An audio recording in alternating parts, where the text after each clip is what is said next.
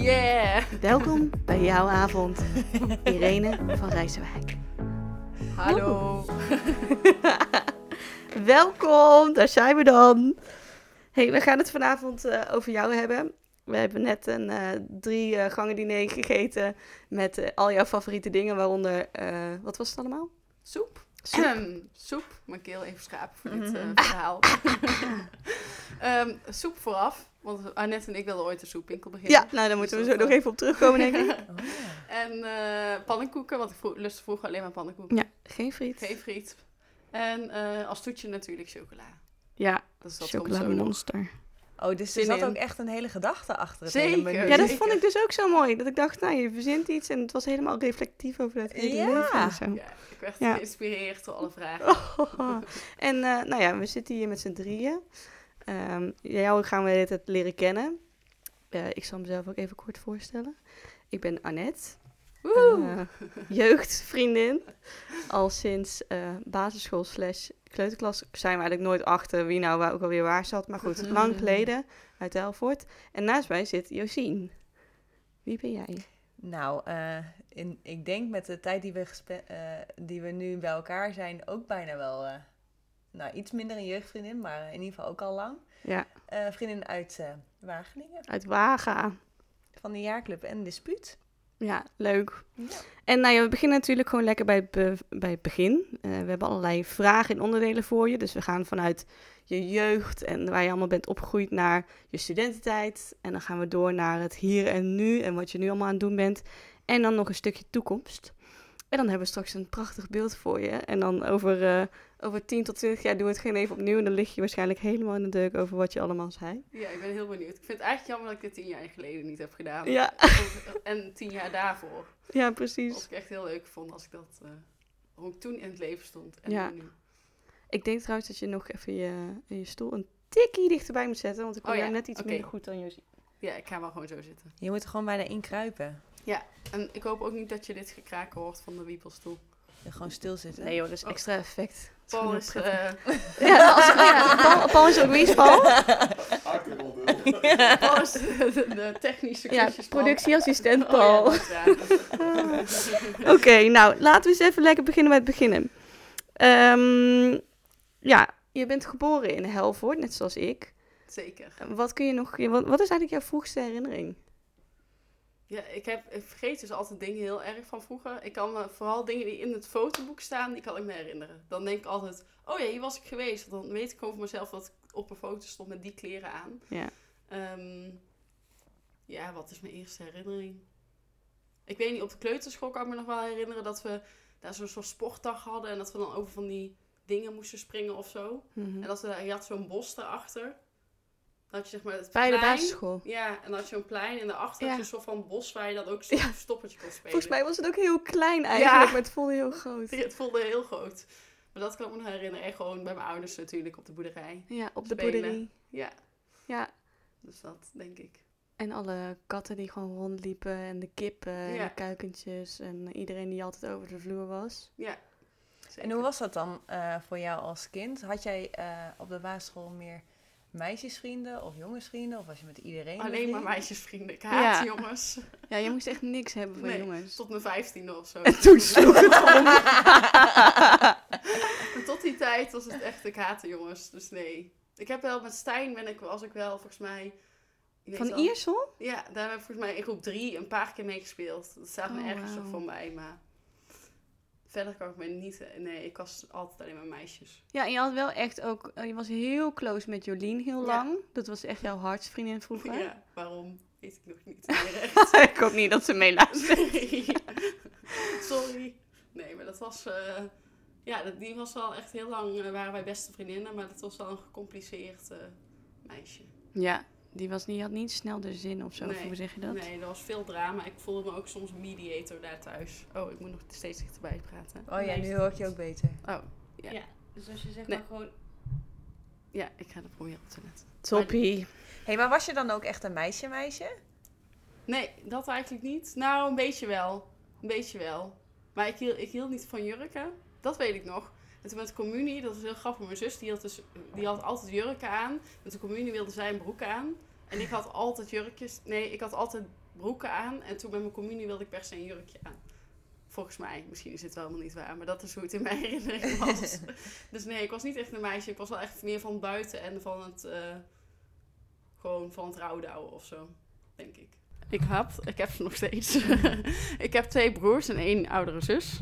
En, lekker eh, druk dan, toch? ja. thuis? Ja, en ik was de jongste, dus eh, volgens mij, volgens mijn ouders werd ik vroeger heel erg verwend toen ik een baby was. Het vond het allemaal heel leuk om een klein zusje te hebben.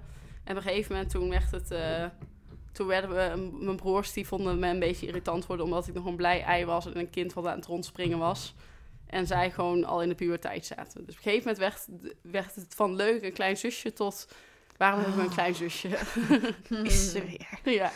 Dus ehm, ja, nee, het was al altijd wat te beleven. En, en heel hecht. Ehm, nou, niet met mijn zus wel. Ehm Met maar Margot. met mijn goal was ik wel, wel hecht. En eh, omdat we ook wel heel erg op elkaar lijken met mijn broers, Ja. nou, zou ik niet zeggen dat we echt een hele hechte... Nee, die deden gewoon allemaal lekker hun eigen ding. Ja, precies. Die zijn gewoon heel... Was, mijn één broer is heel verlegen en mijn andere broer was juist heel erg eh, ambitieus. Dat is nu nog steeds wel een beetje, allebei. Maar dat was gewoon heel erg anders dan dat mijn zus en ik waren. Dus dat was... Ja. We konden heel goed met elkaar, zeg maar. We konden gewoon met elkaar door één deur. En Hoe dat ging over het dan? algemeen ging het goed. Wat? Hoe waren jullie dan? Eh, ja, wij waren gewoon, eh, ja, hoe, hoe noem je dat? Ja, gewoon wel, ook nu hoe ik nu nog steeds ben, gewoon een beetje eh, sociaal, spontaan. ehm, ja, ik weet niet. Wat minder, eh, Beetje de gulden middenweg. ja, de gulden middenweg, denk ik. En mijn ene broer was heel verlegen. En mijn andere broer, die was juist heel erg outgoing. Ehm, en heel erg van voorop staan bij dingen. En wij zaten er een beetje tussenin. Dus wij konden heel goed met elkaar. En ehm, En kun je dan ook herinneren wie heel veel invloed op jou had gehad toen je echt nog jong was? Gewoon iemand waar je tegen opkeek of zo? Of dat je dacht, ach, ehm, als ik zo terugkijk heb ik daar echt wel veel aan gehad. Of, Ja, dat vind ik dus heel moeilijk. Om daar, daar zat ik over na te denken. Toen dacht ik, ja, ik, ik zei net ook al dat ik van mijn jeugd dus niet zo goed dingen herinner. Ehm, alleen van foto's. Dus dat vind ik heel moeilijk om te zeggen van wie keek ik echt naar op. Ja, ik weet niet echt. Ik kan me niet echt herinneren of iemand die mij... Ja, mijn zus heb ik... Ja, omdat die was natuurlijk ook vier jaar ouder. Dus daar heb ik wel veel van geleerd, Ja. denk ik. En wel toen, maar dat was pas later, toen zij student was en dan ging ik daar op bezoek en dacht ik, oh, dit wil ik ook. dus in die zin wel, eh, ja, ik denk dat mijn zus daarin wel eh, het meeste tegenop keek of zo. Maar ja, het voelde niet per se als tegenop kijken, denk ik. Maar, ja. En, maar bijvoorbeeld eh oma Bert, die naam die kan ik heel goed herinneren Ja. van vroeger. ja, oma Bertus was wel fantastisch. Dat was nog steeds... Gisteren kreeg ik weer een filmpje van eh, dat hij met mijn nichtjes en neefjes eh, van de glijbaan aan het gaan was, terwijl die 75 is geworden. Ja. Dus, dus dat, eh, ja, dat was altijd heel leuk. Die was wel echt, ja, die, die heeft, had zelf, heeft zelf geen kinderen. En die deed van alles voor zijn nichtjes en neefjes. En dan hadden we oma Bertusdag. En die regelde altijd de familiedag. En Ja, die kwam voor alle verjaardagen. En die deed altijd gek mee. Dat was echt Ja. de suikeroom, zeg maar. Ja. Dus dat was heel leuk. Ja, en ik kan me dus ook heel goed herinneren, mijn eerste studenten, of hoe zeg je dat, eh, jeugdbaantje, was bessen plukken bij Irene Oh, op de ja. boerderij. Dat was echt zo'n heel dorpding. Want, nou ja, gewoon even ter illustratie. We komen uit het dorp van 5000 mensen. Iedereen kent elkaar. Als je naar de supermarkt gaat, dan ben je gewoon anderhalf uur kwijt. Want iedereen vraagt, en hoe is het met uw pap en uw mam? En eh, hoe is het nou? Ehm, maar dat het gewoon echt wel een soort van plek was waar iedereen ook was. En daar gebeurde heel veel. En eh, ook in de winter eh, schaatsen achter Ja, in het bos. In het Woerdersbos, inderdaad, kwam, kwam heel de buurt. Dan hadden wij, hadden, nou, ik denk wel tien ijshockeysticks. En dan gingen we met iedereen die wilde, gingen we daar Oh, schaatsen. leuk. Ja. En ook eh, inderdaad bessen plukken. Iedereen kwam, als je 13 was, mocht je gaan bessen plukken. Ja. En dan kwam eigenlijk iedereen die 13 was en 14, die kwam dan met mijn ouders bessen plukken. ja. Maar alleen bessen plukken of ook eieren rapen? Ja, je mocht dan soms, sommigen die, ble- die werkten, plukken Ja, was alleen in de ochtend. Ja, het was of promotie, maar ook eh bessen plukken was alleen in de ochtend. Dus tot 12 uur. En dan waren er sommige kinderen of sommige eh, mensen die wilden eh, lang, graag langer werken. En dan gingen ze in de middag volgens mij eieren rapen. Of ze waren inderdaad al een soort van promotie, werkte al heel lang. En dan mocht je eieren rapen of zo. En heb jij dat ook altijd gedaan dan, bessen plukken? Ja, ja. Ja, en ik deed dat eigenlijk al... best wel veel op de boerderij Ja, ook. ik heb dat eigenlijk ook al ik, ik wel vanaf jong. Maar eerst was het heel leuk, want dan was ik natuurlijk het, het kleine meisje wat daar ronddenderde. En dan ging ik altijd een beetje leuke klusjes doen. En dan moest ik allemaal van die bakjes moest je dan in zo'n lichtkistje zetten. En dan, eh, dat was heel leuk. En dan had je ook een plukkersfeest. Dat was dan, eh, dan kwamen zeg maar aan het einde van het seizoen, kwamen er alle plukkers. En dan gingen ze allemaal optreden. En ik was dan natuurlijk, iedereen had, heel, had ook veel aandacht voor mij. Omdat ik natuurlijk gewoon zo blij, oeh, schattig kindje was. Dat was altijd heel leuk, vond ik. En, ehm, Werd dat feest georganiseerd door je ouders dan? Ja. Oh, wat leuk. en wat ik me nog kan herinneren trouwens, is dat we... Toen hadden we, je had er ook altijd een soort van wedstrijd eh, iets. En dan moest je zo lang mogelijk aan zo'n paal hangen. was een van de opdrachten. Maar ja, ik was natuurlijk tien en ik woog nog niks. En toen had ik allemaal van die jongens van nou, 14, 15. En dan gingen we een wedstrijdje doen en dan won ik als tienjarig Lekker. meisje. Omdat je natuurlijk dan nog niks weegt. En dan ben je gewoon ja, stiekem heel sterk in je armen. Dus dat was hilarisch. Toen voelde ik me echt heel Echt goed. de shit. ja, toen dacht ik, wow. Heb je de beker nog of zat er geen beker? Nee, er zat helaas geen beker Oh, bij. jammer. En wat deed je dan wel. als kind in je vrije tijd? Want je was eigenlijk dan, denk ik, eh, altijd wel buiten. En er was zoveel gaande ook bij jullie thuis. Ja. Zat je dan ook wel eens op je kamer of zo? Nee, volgens mij was ik wel echt heel veel buiten. Veel op de trampoline, die had ik toen gekregen toen ik... eh, Oh, daar ben ik ook zo vaak. ja, dat was toen nog, zeg maar, nu hebben echt heel veel, heel veel gezinnen volgens mij een trampoline, maar toen waren wij Ja, je ging echt- gewoon bij mensen spelen omdat Ja. ze een trampoline hadden. ja, wij, volgens mij waren wij toen echt een van de eerste in het dorp. En toen weet ik nog, het was duizend gulden. Toen zei ik tegen mijn ouders, toen geloofde ik nog Sinterklaas. Toen zei ik tegen mijn ouders van, eh, ja, we kunnen, ik kan beter het trampoline voor Sinterklaas, of ze wilden het voor mijn communie geven. Toen zei ik, nee, Oh. we kunnen het beter voor Sinterklaas vragen, want dan is het gratis. Zo slim, ondernemend. en toen zeiden mijn ouders, nou, dan moeten we je misschien iets vertellen. Oh, dat was het moment ja, dat, dat jij was het moment. En, en hoe ging dat dan bij jou? Geloof je toen wel gelijk dat Sinterklaas inderdaad niet bestond? Ja, ik denk het wel. Maar het was dus... Ja, ik weet het niet. Ik weet, dat weet ik niet meer precies. Disclaimer, jongens. Iedereen die dit luistert, disclaimer, pas op. Nou, dit is misschien sowieso niet voor eh kinderoren bestemd. Nee, oké. Ligt aan wat er nog gaat komen. hè? Ja, dat is wacht waar. maar tot die studententijd. Nee, maar ik was denk ik heel veel buiten. Ja, dat, dat is wel eh, mijn meeste herinnering. En wat... eh, ik vond het ook heel leuk om te bakken. Dat kan ik me ook nog altijd herinneren. Dat ik altijd heel vaak ging koekjes ging bakken. En ik wilde het altijd heel graag eerlijk verdelen. Dus dan, nou ja, dan bakten we een hele taart. En dan degene die naar huis ging, die kreeg dan die halve taart mee. En toen zeiden mijn ouders, op een gegeven moment weet ik nog dat mijn ouders zeiden... Ja, ik vind het wel heel lief dat je altijd alles wil verdelen. Maar op zich zijn het al onze ingrediënten. En Jij bakt elke week. wat. Ja.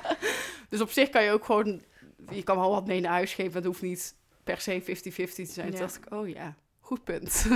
Zoiets kan me Ja. zo random herinneringen. En er komen nu ook in één keer allemaal flarde herinneringen bij mij naar boven. Hoe eh, zat het ook alweer met jullie eh, etenstijd qua opscheppen? Want we hadden het net al bij ons eh, speciale dineetje Oh, ja. voor de podcast al even over snel opscheppen. Ja. Ik kan me wel wat specifieke dingen herinneren. Ja, we waren vooral... eh, het was altijd inderdaad kwart over vijf eten. Dus het was best wel vroeg Lekker als je bij vroeg. kinderen ging spelen. Ehm, en dan... eh, ja, we opscheppen was wel altijd... We hadden altijd twee soorten groenten. We deden eigenlijk... Aten we alleen maar AVG. Dus ik lustte ook tot mijn studententijd eigenlijk niks. Alleen AVG. En ehm, eh, toen... eh, dan hadden we altijd twee soorten groenten. Want groenten stond bij ons echt als... eh, ja, voorop in het eten, zeg maar. En wat wel het meeste was, was dat we toetjes. Dat was wel bij Ja, ons een ding. nou, we aten Dit kon ik me dus Toetjes. specifiek herinneren. Ja. Dat was echt een ding. uit Gewoon soepkommen. echt units van schalen. Enorme bakken ijs op tafel. Ja, Grote lepels. dan- Is dat nog steeds hetzelfde? nou nee, ik eet nu dus bijna nooit meer toetjes. Maar eh, nee, bij bij mijn hadden altijd vijf, hadden altijd vijf pakken vla op tafel staan met vijf smaken. ja.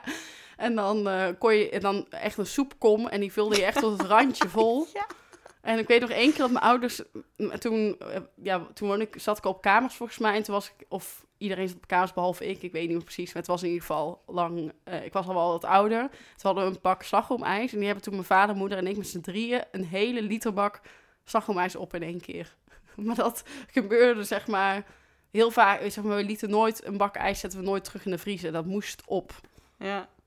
Dus ja, wel achteraf denk ik echt, hoe dan? Maar goed, ja, dat was toen gewoon normaal was bij toen ons. zo normaal. Ja. Dat kon je toch allemaal gewoon prima Dus hebben. een feest steeds. voor iedereen die kwam eten dus. ja, dat was denk ik wel. Ja, ik weet niet. Dat het een eh, Ja, nee, zeker. voor jou was. Ja, zeker. Je moest volgens mij wel aardig snel dooreten, want er zat wel Ja. tempo in. ja, dat is nog steeds al zo. Eh, wel gewoon heel gezellig. Ja. Ja.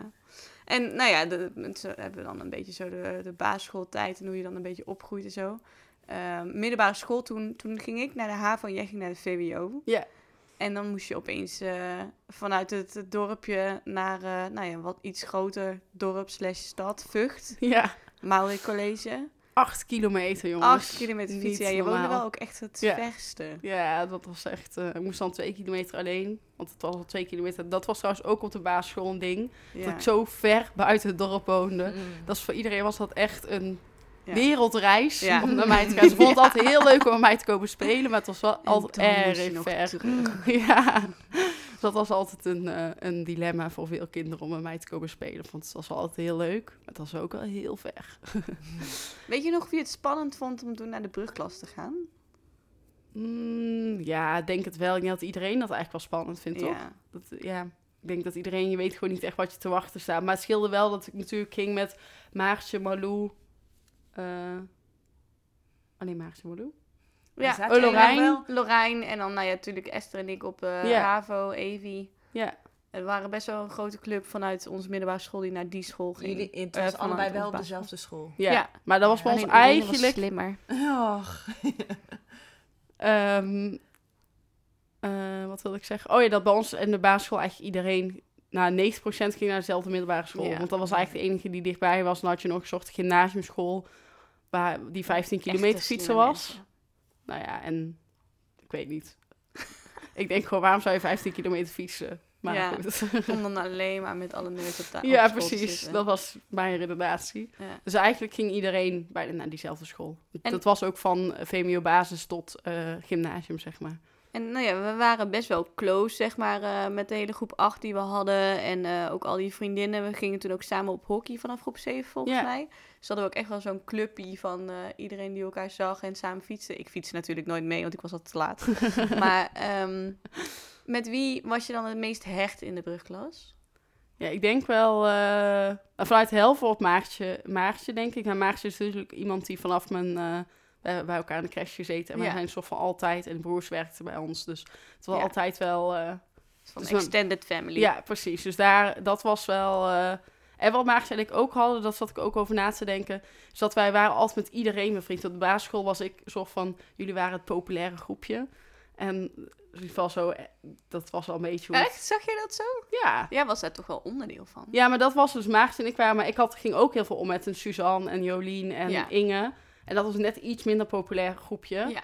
En Maartje was ook, die ging ook spelen bij die en ik ging ook spelen Ja, bij... dus meer een soort van iets evenrediger Ja. verdeeld. En wij zaten, dus dat had ik het idee dat Maartje, dus op de middelbare school heb ik ook het idee dat het zo was. Dat wij een beetje met z'n tweeën met iedereen bevriend Ja. waren. Ehm, en Marloes kwam. Mike en Maarten. En Ja. dat was toch allemaal brugklas? Ja, dat was allemaal brugklas, ja. Ja, de- ik had met die jongens had ik toen nog steeds niks eigenlijk. dat was toen nog niet, eh, het speelde toen nog helemaal niet. Ehm, maar eh, toen kwam natuurlijk Marloes en Lisa kwamen er toen bij en Anne. En toen hebben we een soort van nieuw groepje met Marloes, Lisa, Anne, eh Maartje, Marlou en ik. Ja, Ja. wij waren met z'n zessen, maar dan had je, ja, had je ook nog wel wat andere meiden die er, waar we ook contact, leuk contact mee hadden. Ja.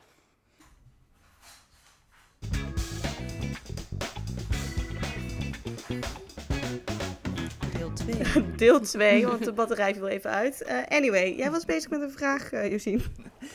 Ja, nou ja, ik hoorde net dat jullie eh, dus naar verschillende klassen zijn gegaan. Ehm, eh, jij naar de HAVO, eh, Annette, en jij Mhm. naar het VWO. En ik was eigenlijk benieuwd eh, hoe jullie dan toch ehm, zo goed die vriendschap hebben onderhouden. Want je ziet toch vaak dat mensen wel dan hun eigen weg gaan en elkaar een beetje uit het oog verliezen. Ja, een beetje opnieuw beginnen qua vriendschappen. Ja.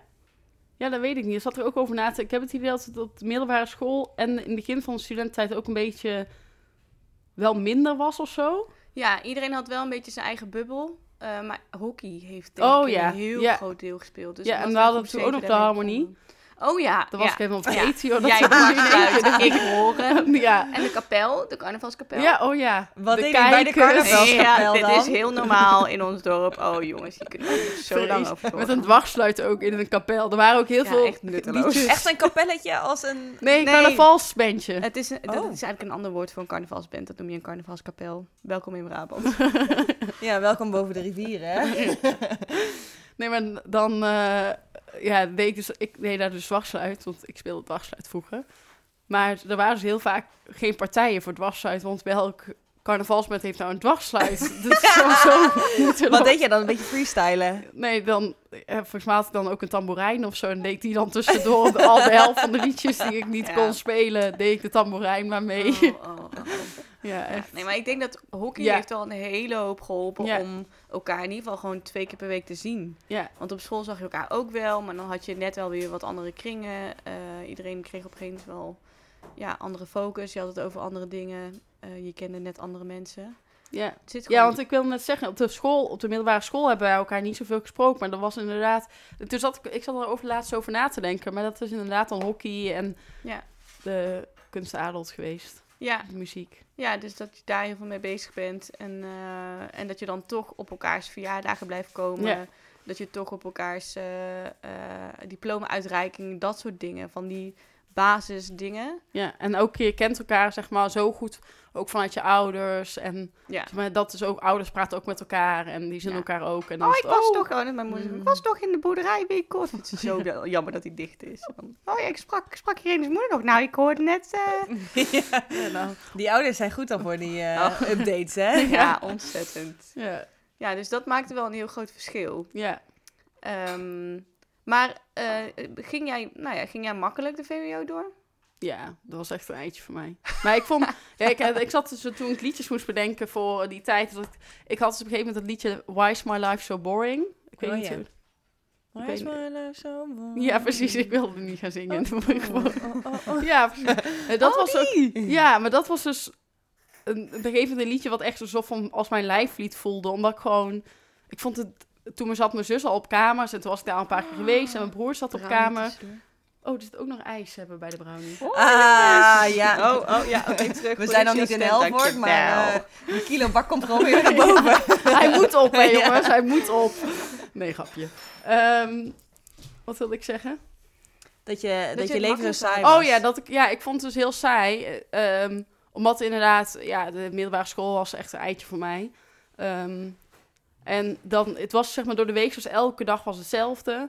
En dan het weekend ging je uit en dan ging je dan maandag erover napraten. En dan ging je, was het drie dagen eigenlijk niks. En dan donderdag begon je alweer, waar zullen we dit weekend heen gaan? Mhm. Maar dat waren zo van de hoogtepunten. En verder was het eigenlijk iedere week hetzelfde. En dan kwam ik bij mijn zus of mijn broer. En die zaten op, die zaten op kamers. En daar was elke avond was er reuring. En waren ze iets aan, van plan. En kwam die eten. En dan gebeurde dit. Toen dacht ik, dit wil ik ook. Het is veel leuker dan elke week hetzelfde. Dus je was eigenlijk op de middelbare school al bezig met je studententijd? Ja, heel erg. Ja. Echt Maar heel wa- erg. wat waren verder je hobby's dan naast eh, het hockeyen?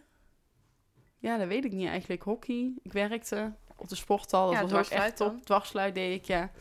En ik had echt de beste baan, want ik werkte dus in een sporthal. En dan was ik toezichthouder.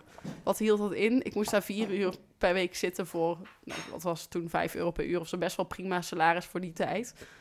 Maar dan moest ik daar ik moest het gewoon openmaken. En dan kon ik daar mijn huiswerk doen. En dan moest ik eh, eh, daar vier uur zitten. En er stond ook gewoon een tv. Dus als ik dan geen huiswerk was, ging ik gewoon vier uur tv kijken. Ja, oh, zo chill. Oh, En dan dan moest ik je zelf uur- oppassen. Nee, maar, next level, want er waren geen kinderen bij. Dus ik hoefde echt alleen de tijd. En ik kon, gewoon ik kon gewoon mijn huiswerk maken. En dan hoefde ik de rest van de week dus ook geen huiswerk meer te maken. Dat was echt top. Ideaal. Ja. Toch ook wel een beetje verantwoord dus. Of Ja. eh, laat ik zo zeggen, het ehm, eh, verantwoordelijkheidsgevoel dat je wel eh, werkt aan je toekomst. Ja, zeker. Zeker weten. Nee, ja, ik weet niet.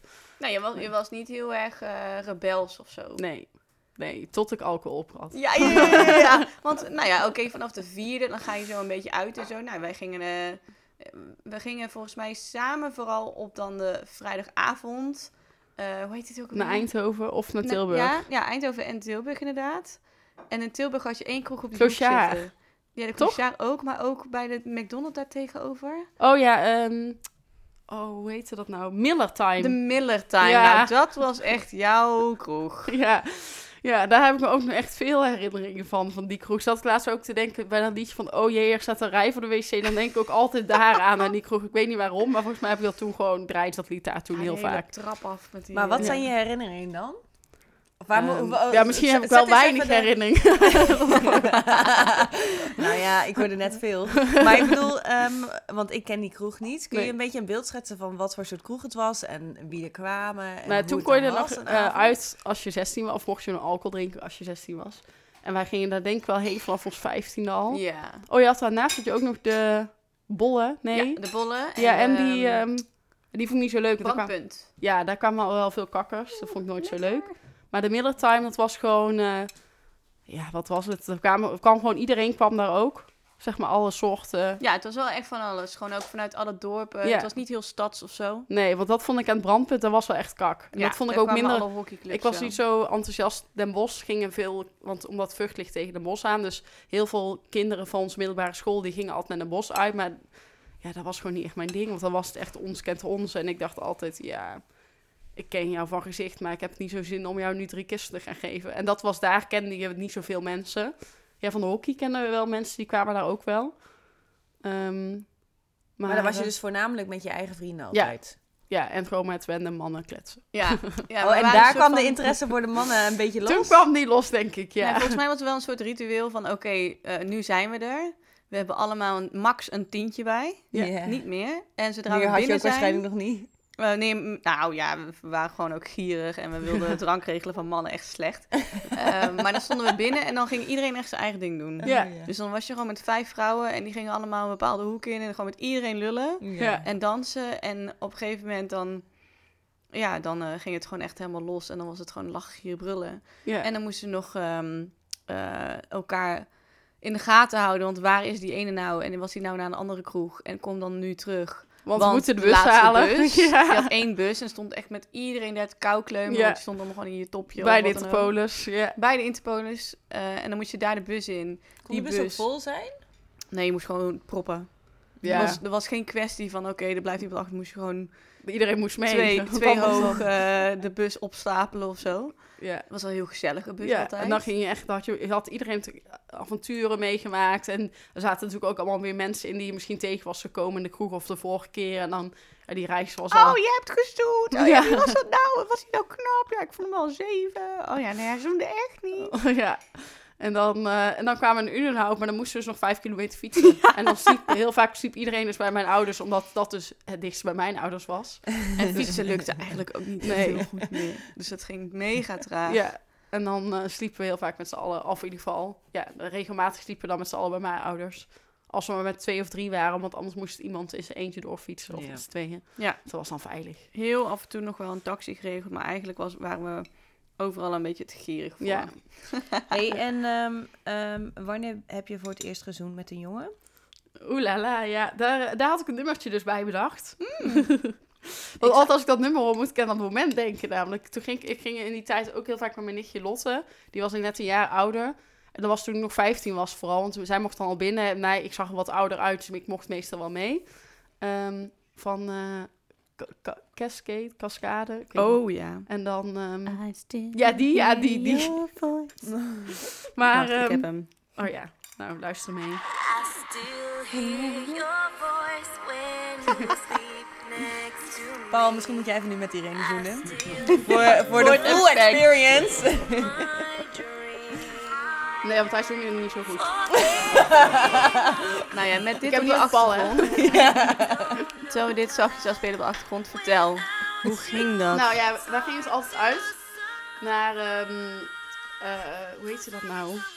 In ehm, Helmond? Nee. Oh ja, eh Gemert. Ja, in Gemert, maar het was niet... eh, je hebt de allergrootste discotheek die daar toen zat, maar het was een andere. Maar het was ook een grote discotheek met meerdere zalen. En dat ook heel vaak boswandeling. Echt gadverdamme, Ja. zo'n smerig drankje. Ehm, maar daar was dus Willem. En die kenden we ja, via via. Want Lotte kende weer de, zijn vriend Joshua. En toen, nou, we gingen daar regelmatig toen uit.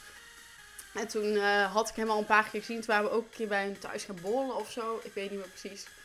En toen stonden we een keer... Het zat er al heel lang aan te komen. Maar hij was al 18, ik was nog 15. Dus ik vond... En ik had hem nooit gezien, dus ik vond het heel spannend. Maar toen kwam dit liedje op en het stond midden op de dansvloer. En ja, toen gebeurde het. Een wasmachine. ja, Dit was was het erg? Dit was echt precies wat ik van mensen hoorde. Dit is een wasmachine. Dat was deze zoen. Het was echt Oh. precies gewoon de wasmachine. Snel Dus ja. vergeten. Snel vergeten, ja. En ik, je hebt... wel verlie- ik heb het ook nog met hem een date gehad. Oh, toch wel? Ja, Oké. ik ben nog met hem op date gegaan. Toen heeft mijn zus me afgezet in de vaka- facadefabriek. Nou, wat leuk, een filmpje. Ja, het was echt zo'n saai film. Het was zo'n zo'n arthouse eh, film natuurlijk. En Wie had over- die uitgezocht dan? Ja, ik weet niet. Hij of ik, ik weet het niet. Misschien ik wel, maar... Want hij woonde natuurlijk... eh, hij woonde in Helmond. En dus we moesten ook zo van op een plek met een trein. En ik was toen pas 15, dus ja, ik kon daar niet echt... eh, dus nou ja, goed. En toen ehm, zijn we naar een film, maar het ging over sigaretten of zo. Sigarettenfabriek. Zoiets kan ik me nog herinneren. Het vind was ik ook wel echt... iets voor jou, ja. Ja, en dan zit je daar in een bioscoop, kan je niet praten. Dus nee, geen aanrader. Maar dan ga je toch met z'n tweeën... Ja, oh nee, Zoenen was ook niet zo'n eh, succes. Nee, net. en die bioscoopzalen zaten volgens mij in mijn herinnering zaten er Van die banken, van- toch? Ja, maar er zaten maar iets van acht mensen in de zaal. Dus ja, dan is dat redelijk opvallend als je daar... En ja, dat is toch ook ongemakkelijk in een bioscoopzaal gaan zoenen of zo. Hey, en nog als voorbode totdat we zo naar je studententijd gaan. Ja, Jouw eerste vriendje zat toch ook een beetje nog op de middelbare school? Want Ja, ik kan me herinneren dat ik ook ooit met hem heb gezoend. Dat was volgens mij een van mijn eerste seizoenen. Nou, ik kan me ook herinneren dat Ja. dat een heel bijzonder moment was met DJ eh, eh, Mental Theo of Dark Raven op de achtergrond. En ook een soort wasmachine. Nice, ja. Nee, ehm, dat was Bram inderdaad. Van de hockey kenden we hem. En toen op het hockeyfeest heb ik denk ik met hem gezoend voor het eerst. En toen, gingen, nee, en, toen, en toen ging hij een jaar naar Amerika. En toen hebben we dus via MSN, voor de mensen, Oh, voor de jongeren old- onder ons. MSN. Dat was dus een soort van eh, WhatsApp, maar dan, eh, Op de computer. maar dan, dan op de computer. Ken je nog floppy disks? ja, nou dat dus. En dat, eh, toen zat hij in Amerika voor high school, een jaar. En toen hebben we dus een jaar lang, nou niet een jaar lang denk ik, ik denk de laatste drie maanden dat het soort van actief werd. Hebben we echt iedere avond hebben we toen eh, zitten chatten. Ja. En dat was heel grappig, Malou was toen ook altijd online op dezelfde tijd. Maar we wilden niet vertellen aan elkaar waarom we allebei online waren. Maar zij was met iemand anders Met aan. Michiel, denk ik. Nee, met eh, die broer van Lars. Oh, ja. Ja, ja, ja. Dus we zaten we allebei altijd om 11 uur s'avonds op MSN. En dan was zo, wat doe jij nog op MSN? En iedere avond was hilarisch. Maar dat was heel grappig. En toen ging ik op een gegeven moment ook brieven sturen. En ehm, Ik weet wel dat je daar toen heel veel mee bezig was. ja, dat was, ik was echt, eh het Ja, was helemaal... eh, stapel ja, ik was stapel. En toen kwam hij terug. En mij had dus ook alles tegen zijn moeder verteld. Hij had een hele echte band met zijn moeder. Toen kwam hij dus terug. En toen was mijn examenfeestje twee dagen later of zo. Maar toen kwam hij terug en toen had die moeder gezegd van... Nou, maar het is ook wel leuk. We hadden gewoon al afgesproken, we zien elkaar op het examenfeest. Maar toen had me, die moeder had me dus uitgenodigd voor zijn welkomstfeest. Maar daar had, had hij niet echt op gerekend. En ik kwam daar, ik weet niet met wie ik daarheen met meer. Was jij daarbij? Nee, ik kan me niet Ik herinneren. weet niet met wie. Ik was dan met één of twee met Malou en Maartje misschien. Ik weet niet wie erbij waren. Maar er waren twee anderen bij. Maar hij zag mij en hij was echt zo van... eh, en hij ging gewoon verder met zijn vrienden praten. Want hij wist gewoon niet wat hij... Hij was gewoon helemaal in shock. En hij dacht echt, wat, wat moet ik nu hiermee? Een soort van... Want we hadden eigenlijk al half een relatie. Want we waren drie maanden lang online met elkaar aan praten. Maar was dat dan voor of nadat jullie hadden gezoend? Nee, dat was nadat we hadden, we hadden gezoend, naar mijn idee. En toen ging hij eigenlijk... Toen hebben we volgens mij nog één keer afgesproken. En toen ging hij een jaar naar het buitenland. En toen hebben we dus heel veel. Er werd steeds meer. En toen kwam hij dus terug. En toen dus... Daarna hebben we ja, gedaten. Toen was het best wel snel aan. En toen, eh, en toen ging ik studeren. Oh, dat was twee maanden voordat ik ging studeren. In de zomervakantie voordat ik ging studeren. Nooit een vriendje gehad. Toen dacht ik echt, oh, waarom? Waarom? waarom nu? Maar ja, Hoe kom ik hier vanaf? hoe kom ik hier vanaf? Nee, zo dacht ik er helemaal niet over. Maar het was meer dat ik dacht... Het is niet per se handig om in je studentenleven. Wil je ook gewoon vrij zijn.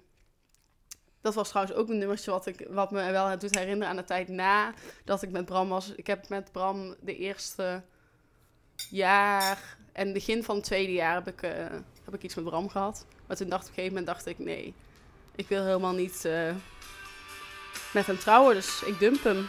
Dat was nogal cho- chockerend. Had ik op dispuutsweekend had ik dat gezegd tegen, in een dronken bui tegen een paar dispuutsgenoten. Toen dacht ik, ja, nu moet ik het ook doen- doen. Nu kan ik niet meer terug. Doorpakken. Ja, dit, dit nummer werd toen mijn eh, lijflied.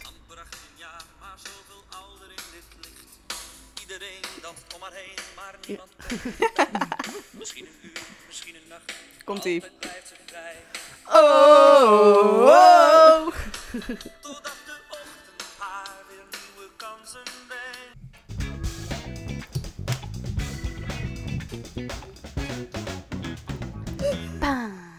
Oké, nou, aanbeland in de studententijd. Je hebt er natuurlijk al eh, flink wat jaren naartoe geleefd met je broers en zussen. Dat zei je net al. Zeker.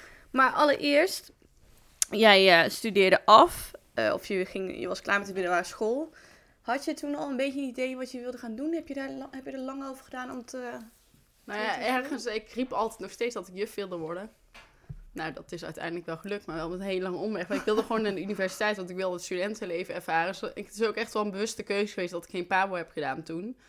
Omdat ik gewoon dacht, ik wil het studentenleven in. En toen, eh, ik vond economie heel leuk op de middelbare school. MNO heb ik er ook naast gedaan, nog als keuzevak. En eh, dus ik dacht, daar moet ik iets mee gaan doen. Maar toen was ik bij bedrijfskunde gaan kijken met, ehm, met Karin. Was in Groningen, hebben we echt een hele leuke dag gehad. En toen zijn we daar ook nog uit geweest. Nou, het was heel leuk in ieder geval. Maar dat ging alleen maar over geld verdienen. Toen dacht ik, mm, ja, dat Hmm. past eigenlijk niet helemaal bij mij. Toen dacht ik, ja, ik wil wel iets met eh, economie doen, maar dan wel een beetje het sociale aspect erbij. Nou, en toen kwam ik dus op bedrijfsconsumentenwetenschap in Wageningen. En ehm, toen dacht ik, dan heb je echt het sociale stukje ook van, ehm, nou, meer van met mensen.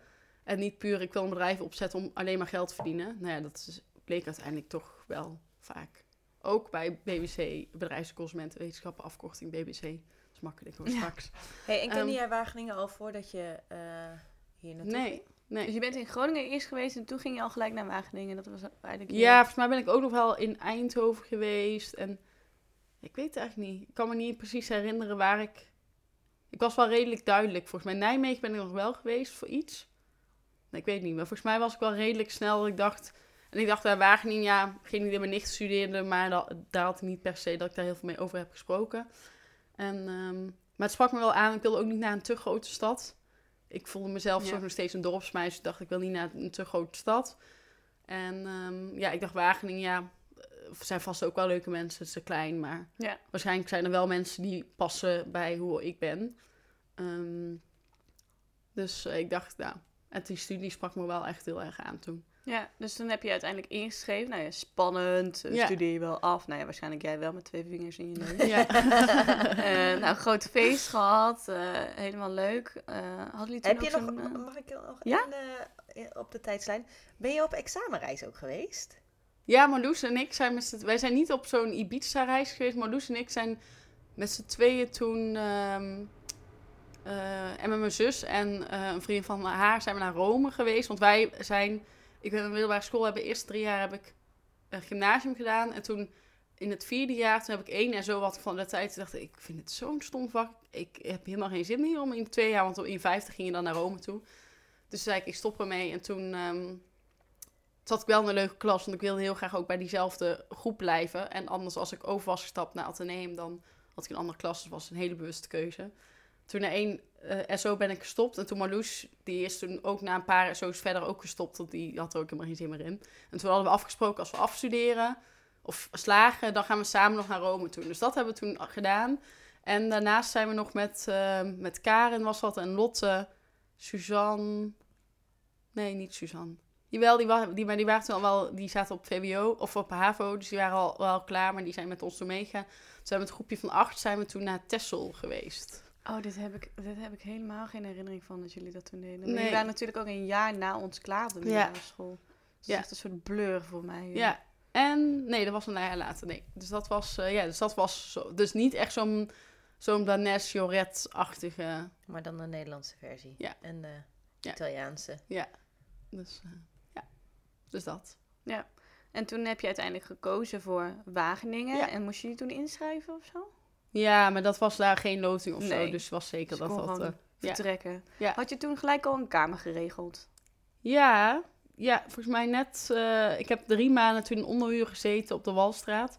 En eh, dat was heel leuk. was met, met acht mensen. was wel vanuit de Unie gewoon zo'n gang. Maar het was wel een hele hechte gang. En ehm, eh, mijn nicht had dus bij Ceres gezeten. Je hebt dus drie studentenverenigingen, waren drie grote. Ceres, KSV en SSR. En Ceres was, daar had mijn nicht bij gezeten. Had ik heel veel goede verhalen over gehoord. Dus ik dacht, nou, ik ga bij Ceres. Ehm, KSV, eh, daar kende ik eigenlijk niemand van. En SSR, ehm, heel veel van mijn huisgenoten waren van SSR. Dus ik dacht, voordat ik aan de AID begon, dacht ik, ik ga lid worden bij SSR. Want dat zijn gewoon superleuke huisgenoten. En er waren ook een paar, twee van huisgenoten van KSV. Ehm, Maar eh, nou ja, toen eh, in de loop van de AID, toen, eh, dat is de introductieweek in Wageningen. Oké. Toen, ja, het werd ik super enthousiast. Er kwam ook wel Maartje, ze ging ook in Wageningen Ja. studeren. Dus waren met z'n tweeën waren we naar Wageningen. En zij heeft toen in een huis gelogeerd. ehm, een KSV-huis met KSV-meiden. Ehm, ook nog die speechnotes trouwens, waar ik nu nog steeds veel mee omga. Eh Marloes was dat, Marloes, Ike. Oh, Die, daar sliep huis, ja? Maartje bij in dat huis. Oh, wat dat was zo, dus sliep met Saar woonde daar. Ja, en, ja. Ja, dat is boven zo'n snackbar. Of bij zo'n Ja, snackbar. ja, hè? ja. Dus daar sliep Maartje. Dus ik was daar die donderdag heen gegaan. En toen had ik al superleuke klik met die meiden. En toen waren we volgens mij naar zo'n pre-feestje gegaan of zo. Ik weet niet precies. Maar in ieder geval, elke keer als ik hun dan weer zag op bij KSV, dan dacht ik, oh leuk. En dan had ik weer de leukste avond. Ja. Gewoon En een toen- goede, goede vibe mee. Ja. Dat je dacht, oké, die... eh, Dat, dat, voelde, dat voelde gewoon helemaal van, oh ja, dit zijn mijn soort mensen. Ik Ja. voel me helemaal thuis. Dus toen, eh, nou uiteindelijk heb ik me, nou redelijk snel wel. Volgens mij na maandag of zo heb ik me, het is dan van vrijdag tot en met woensdag. Volgens mij had ik me maandag ingeschreven. Dus wel redelijk, redelijk vroeg in de week. Veel Moet je mensen. nagaan hoe, wat voor event dat is geweest voor Ja, iedereen. Dat ze gewoon nog weet in die ene... Ja. In die, in die dronken dagen achter elkaar, Ja. dat ze nog precies weet wanneer ze zich Ja. heeft ingeschreven Ja, bij ja, de ja. studentenvereniging. Zeker. een heel erg bewuste keuze. Ja, zeker. Ik wilde echt de mooiste tijd van mijn leven. En toen kwam ik uh, Josien, dat is het moment ook in die week heb ik Josien ontmoet. Want hadden wij allebei, ja, kreeg dan een bandje als je had ingeschreven. En toen had, zag ik Josien, die had dus ook een bandje van KSV op. Maar op te bij Ja, de wc. Het zijn van die kleine vrouw. dingen die je samenbrengen. hè? Ja, bij de wc. En toen zei ik, hé, hey, jij wordt hier ook lid. Weet jij dat ook nog? Nou, ik heb iets minder actieve herinneringen hiervan dan jij. Je hebt heel veel indruk op me gemaakt. Ja. Nou ja, want volgens mij was het wel dat we toen tegen elkaar gezegd hebben dat we best friends zouden worden, toch? Hoe dronken waren Dat jullie? weet ik niet, zou best kunnen. Heel erg. Ja, dat zou best kunnen, ik weet het niet. Maar eh, ehm, dus als je dan inschreef, was het dan ook zo dat je gelijk een, in een huis kon? Nee, nee, want dat, je hebt niet heel veel verenigingshuizen. Nee. Dus ik, ik, ik zat dus drie maanden in onderhuur. En ehm, ehm, daarna ben ik uiteindelijk ben ik, heb ik twee weken op zo'n flat gewoond. Dat was echt vreselijk. Als je dan een keer mes liet liggen waarmee je net een boterham... en iemand had een hele afwas... dan nam die dat ene mes niet mee, want dat was niet zijn afwas. Oh, vreselijk. Dus daar heb ik twee weken in gewoond. En toen kreeg ik het huis het Konijnhol. En Ja, dat was een gemengd iconisch. huis van KSV en Ceres, zeg maar. Dus ik wilde ook niet per se op een verenigingshuis. Want ik dacht, ik heb al jaarclub en dispuut. Ja. Dus geef mij maar gewoon juist een mix. Zodat je nog wel een beetje open-minded blijft. eh. En in dat huis heb je de rest van je studententijd gewoond, Ja. toch? Ja, Nou ja, wat een lucky... Hoe noem je dat? bastard. Lucky bastard.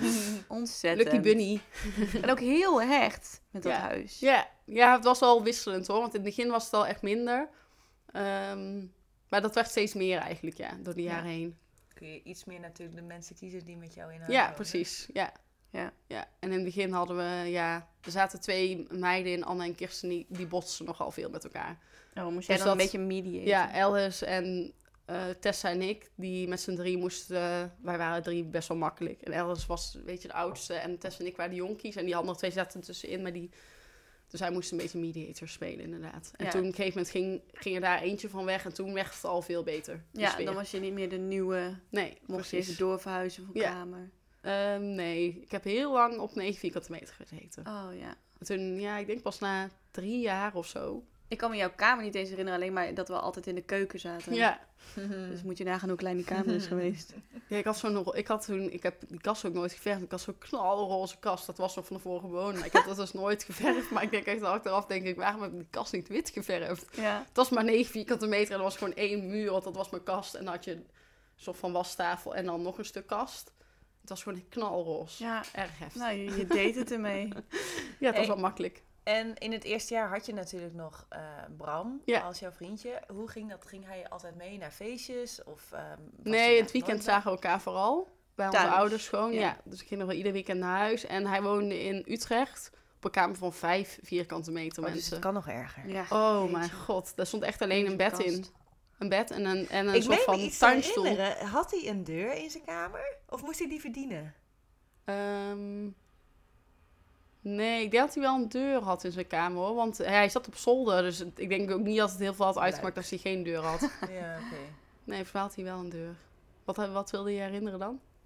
Nou, Dat ik was meen een- me iets te, eh, te herinneren, maar misschien was dat met, de, met een andere jongen. Dat ehm, Je hebt natuurlijk van die studentenhuizen waar je als man zijn die je deur moet verdienen. Ja, Door eh, een meisje mee naar huis te Ja. nemen en daar seks mee te hebben. En Ik als- kan me hier ook iets vaag van herinneren. ja ik heb wel... nee, dat was met doorvragen Koen. zo. Oh, Perron oh, ze heeft nul. het antwoord al gegeven. Oh. Nee, maar ik heb, dat, ik heb daar geen seks meer gehad, want ik dacht... Nee, ja, dat weet ik ook Achteraf ben ik daar erg blij mee natuurlijk. Dat was echt vreselijk. Heel, maar goed. Ehm, nee, maar dat wilde ik echt niet. Ik was niet degene die dat ging regelen. Nee. Dus tot die tijd was het alleen zoenen en ciao. Ja. Ehm, en daarna... Geen polonaise aan mijn lijn. Nee. Nee, nee. Dus, ehm, Ja. Maar dat, ja, dus we zagen elkaar vooral door de week, of in het weekend. En dan heel af en toe door de week. Maar hij is, voor mij, hij is wel een paar keer mee geweest naar KSV. Want hij is in zijn tweede jaar dus ook lid geworden. Wij in Amsterdam ging hij toen studeren. Bij onze zustervereniging. En toen, daar ging het mis. Nu weet ik het weer. Want hij ging toen helemaal cool doen over zijn studentenvereniging. En hij zat ook bij een dispuut. Ehm, en toen zat ik echt zo van... eh, Ja, maar als je mij nooit had gekend en mijn verhalen niet had gehoord... dan was een hele grote kans, want hij deed hbo. En hij zat... Ja, dat is toch Wat minder... een plebs. Nee, maar dat is wel minder mensen bij het hbo gaan bij een studentenvereniging. Ja, zeker. En hij had ook niet per se in zijn vriendengroep die daar heel veel. En toen ging hij daar zo cool over doen. En ik zat zo van, die hoeft niet cool te doen tegen mij. Zeg, Ja. We hebben al een jaar relatie. Ja, Ja. Hoezo ben je nu opeens anders? dus toen, eh, toen was het over. Ja, En heb jij het uitgemaakt? Wat zei je? Het ligt niet aan jou. Het ligt aan mij. Ja, nee, gewoon dat ik zei van ja, ik, vind het heel leuk met je. Maar ik zie gewoon niet dat wij samen blijven voor de Ja. rest van ons leven. Dus dan denk ik, kunnen we beter nu stoppen. Ja. Dat was het volgens mij gewoon de boodschap. En toen dacht ik zo, oh, want hij had het echt niet zo aankomen. Ik had er dus ook niet per se heel lang over nagedacht. Mhm. Bij mij ging het gewoon knop dat ik dacht, ik zie mezelf nooit met die gast trouwen. En je zag natuurlijk al die snoepjes bij KSV. Je Ja. dacht, hmm, even op nou, jacht. nee, ik heb niet met heel veel mannen van KSV gezoend. En die snoepjes liepen niet bij KSV. Nee. Oh, Nee. oké. dan moest je buiten de vereniging zoeken. Ja, Alle plus eens. ja, Ja, precies. ja. Ja, Dus, eh, en nou ja, jullie hebben elkaar dus ontmoet op het toilet. Wat een prachtig moment. En eh, dan zagen jullie elkaar dan daarna ook wel veel op de vereniging dan? Of hoe ging dat? Ja, met de ontgroening denk ik dat we elkaar ook... we elkaar op de ontgroening hebben we elkaar ook wel ja, gezien. Kan je niet echt noemen, maar... Nou, volgens mij heb ik die hele ontgroening alleen maar naar de grond gekeken. Dus ik denk niet dat ik ja, jou hoe was dat? heb. Hoe lang was dat? Vijf dagen. Vijf dagen, dat is ja. flink. Ja. Met z'n allen in een grote lege tent slapen. Ja, hoeveel man? Mm, weet ik niet meer. Ja, we hebben 100 130 of zo? Ja, 130 Zo. man. Ja, we waren wel twee of drie tenten, denk ik. Het was niet maar één tent. Nee, daar heb je En dan gelijk in, ja. eh, eh, gewoon echt klassiek, want ik, ik ken dit hele wereldje helemaal niet. Alleen maar van slechte docu's over hoe slecht het allemaal is. Ja. Ehm, het- dus dan schreef je je in en dan eh, moest je daarheen komen. En ik, ik ken nog wel een paar foto's of zo, dat je eh, helemaal onder zat. En hoe erg was het? Nou ja, weet je, ik dacht gewoon, het is vijf dagen kut, vijf jaar leuk. Dus zo heb ik gewoon heel die ontgroening doorgelopen. Ja. Vijf dagen kut, vijf jaar leuk. Vijf dagen kut, vijf jaar leuk. Ja, je wordt gewoon afgezeken. En, maar ja, En Ja. fysiek ook en zo? Of was het nee, echt want ze mocht gewoon, niet, ze mochten ons niet aanraken. Ja, dat zeggen dat ze zijn- altijd. Ja, maar dat zijn wel echt regels. Dus als ze daarachter komen, dan heb je wel de Unie, de Ja. Unie betaald, soort mee, mee van aan de verenigingen ook. Dus als ze dat niet doen, als ze dat doen, dan hebben ze echt een probleem. Dus het is vooral gewoon, ja, jij klooi, domme klooi, je kent dat liedje niet uit je hoofd, dom, dom, dom, ga maar rondjes rennen. Je leert dat. eigenlijk gewoon een beetje de regels en het rijden en zeilen van Ja. eh, de vereniging. Ja. En dat gebeurt dan altijd in hetzelfde format, in de vorm van een ontgroening. Ja, Maar uiteindelijk wil natuurlijk de vereniging wel dat jij lid wordt Ja. ja, van de club. ja. maar het geeft wel een, eh, echt een, eh, ergens een band. Dat je denkt, we hebben wel met z'n allen dit meegemaakt. En ja, hoe erg is het nou? Ja, vijf dagen, even een beetje. Achteraf kun je er wel gewoon om lachen. Ja. En heb je, je hebt geen spannende dingen meegemaakt of zo. Het was gewoon Nee. met z'n allen even balen. Ja, ja, precies. En je moet wel, want Maagjes, die heeft de eerste dag meegedaan. Die Ja, die, die was Maar je die moet had het dus- van never nooit. Nee, dus je moet wel een soort van. Maar dat, eh, daardoor krijg je natuurlijk wel mensen die echt ervoor willen gaan. Ja. Dus dat je, het is niet dat iedereen denkt: oh, ik schrijf me wel in en Ja, dan ik kom ik nooit. nooit opdagen. Dus dat, dat filter je wel een beetje met zo'n ontgroening eruit. Ja. Het is wel leerzaam, of ja, leerzaam. Nou ja. En toen gingen jullie dan eh, elke week, elke dag, hoe vaak was je dan bij KSV? Ja, na die tijd begon eh, eh, een eh, ja, introductieperiode voor de eerstejaars. Mhm. Met ehm, activiteiten waar je elkaar als eerstejaars kon le- leren kennen. En daar ehm, kwam eigenlijk meer... Ik weet, eigenlijk, ik weet er echt heel weinig nog van. ja, je had dan Kwamen we vaker maandagavond bij en dan elkaar. Ja, maandag had je een jaarclubavond en die werd dan na een paar weken moest je zeggen wij willen een club worden. Dat was iedereen uit je eigen jaar. Dus daar zat Josine ook in. En dan had je na, daarna had je dan iedere woensdag had je, leerde je de disputen kennen. En dan op een gegeven moment ging je zeggen, ik wil bij dit dispuut. En dan ging iets aan jou vragen. En toen kwamen in december, word je dan gevraagd voor dispuut. En dan ga je daar een ontgroening lopen tot en met, eh, ja, dat was een mei of zo. Ja. ja, met de jaarclub was het eigenlijk meer een beetje een soort van eh, natuurlijk proces met groepjes vormen binnen, binnen Ja, het jaar. ja. En dan waren er altijd natuurlijk wel een paar die dan eh, net niet, ja, nergens bij pasten. Ja. Maar bij ons ging dat gelukkig wel heel natuurlijk, zoals Ja. ik me in ieder geval herinner. Ja. Dus jullie zaten uiteindelijk in hetzelfde dispuut dan? Ja, en jaarclub. Dus maandag was dan jaarclubavond, dinsdag huisavond, woensdag was dan dispuutsavond en donderdag hockey ik altijd. En dan s'avonds had je dan open feest bij één van de verenigingen. Ja. Dus dan gingen we bij een van de verenigingen waar ze dan een feest hadden, gingen we met z'n allen heen. En oh ja, ook nog studeren zelf. Ja, ja maar ik deed een Lebo-studie. had zeg maar ons in Wageningen heb je heel veel studies die echt van half negen tot vijf zaten. En ik zat op de Lebo. En dat waren zeg maar alle, eh, hoe noem je dat, alfa-studies denk ik. Ja. Dus dat is eh, bedrijfskunde. eh, Het waren, en wij hoefden niet zoveel, want we moesten heel veel groepswerk doen. Mhm. Maar wij hoefden niet, we hadden maar vaak maar één college per dag. Dus Ja, alleen zo. van half negen tot half elf. Nou, en dan was het, bij mij was dat s'avonds vet, s ochtends vet, ging altijd. Ja. Wat goed. Maar dan ging ik om half elf gewoon weer in bed liggen. Ja. En dan hadden we om één uur afgesproken voor groepswerk. Maar ja, dat was prima, want dan had ik daarna nog twee uur geslapen. Haar in een knot. Ja. Of nat. Zoals ik me Precies. kan herinneren. En dan Dus, eh, eh, even bikkelen en weer terug naar bed. Ja, dus dat was... eh, Hey, en naast het studeren en studentenleven of, en het leven bij KSV, wat deed je verder nog allemaal? Eh, naar hockey deed ik. En dat was altijd heel leuk, want woensdag bij de dispuut eh namen heel vaak de bar over. En stond altijd één dispuut stond achter de bar. En dan gingen altijd andere disputen de bar overnemen, want dan mocht je gratis bier tappen, pils eh, tappen. Oh, dit kan me nog heel goed herinneren. Ik ben ooit een keer meegeweest naar een KSV-feest. En toen kreeg ik heel duidelijke instructies van Irene dat ik niet om bier mocht vragen. en ik zat er echt aan te kijken. Sorry, Waarom? wat zeg jij? En je moest de man ook, ah, je moest ook altijd een, een pilsje aanbieden. Dat ik Ja. dacht, Oh ben je ja, vijf achterlijk? of zes. Ja. Want dan kon de barman, eh, mocht je, moest je altijd eentje. Vijf. Achterlijk. Ik vond het achterlijk. Ja. Maar ehm, en op woensdag deden we dan dus heel vaak de bar overnemen. En dan, ja, ik vond, het- ik was, ik vond het fantastisch. Dus ik deed altijd mee als we dat deden. Maar dan had ik al donder op hockey. En ik zat in een hockeyteam, was bijna allemaal Ceres meiden. En Ja. bij Ceres gebeurde dit niet. Maar dan had ik altijd helemaal onder de blauwe plek. En dan zei ze, iedereen heb je de bar weer overgenomen? Ja, ja. Elke donderdag ging dit zo. Dus, eh, en hoe was dat dan? De bar overnemen? Wat, eh, wat gebeurde er? Je kwam binnen en dan moest je... Gewoon over de bar heen springen. Ja. En dan deed je dat met heel je dispuut, zeg maar. En dan, nou, ik was altijd soort van eh, het, het aas. Dus ik ging dan aan een paal hangen.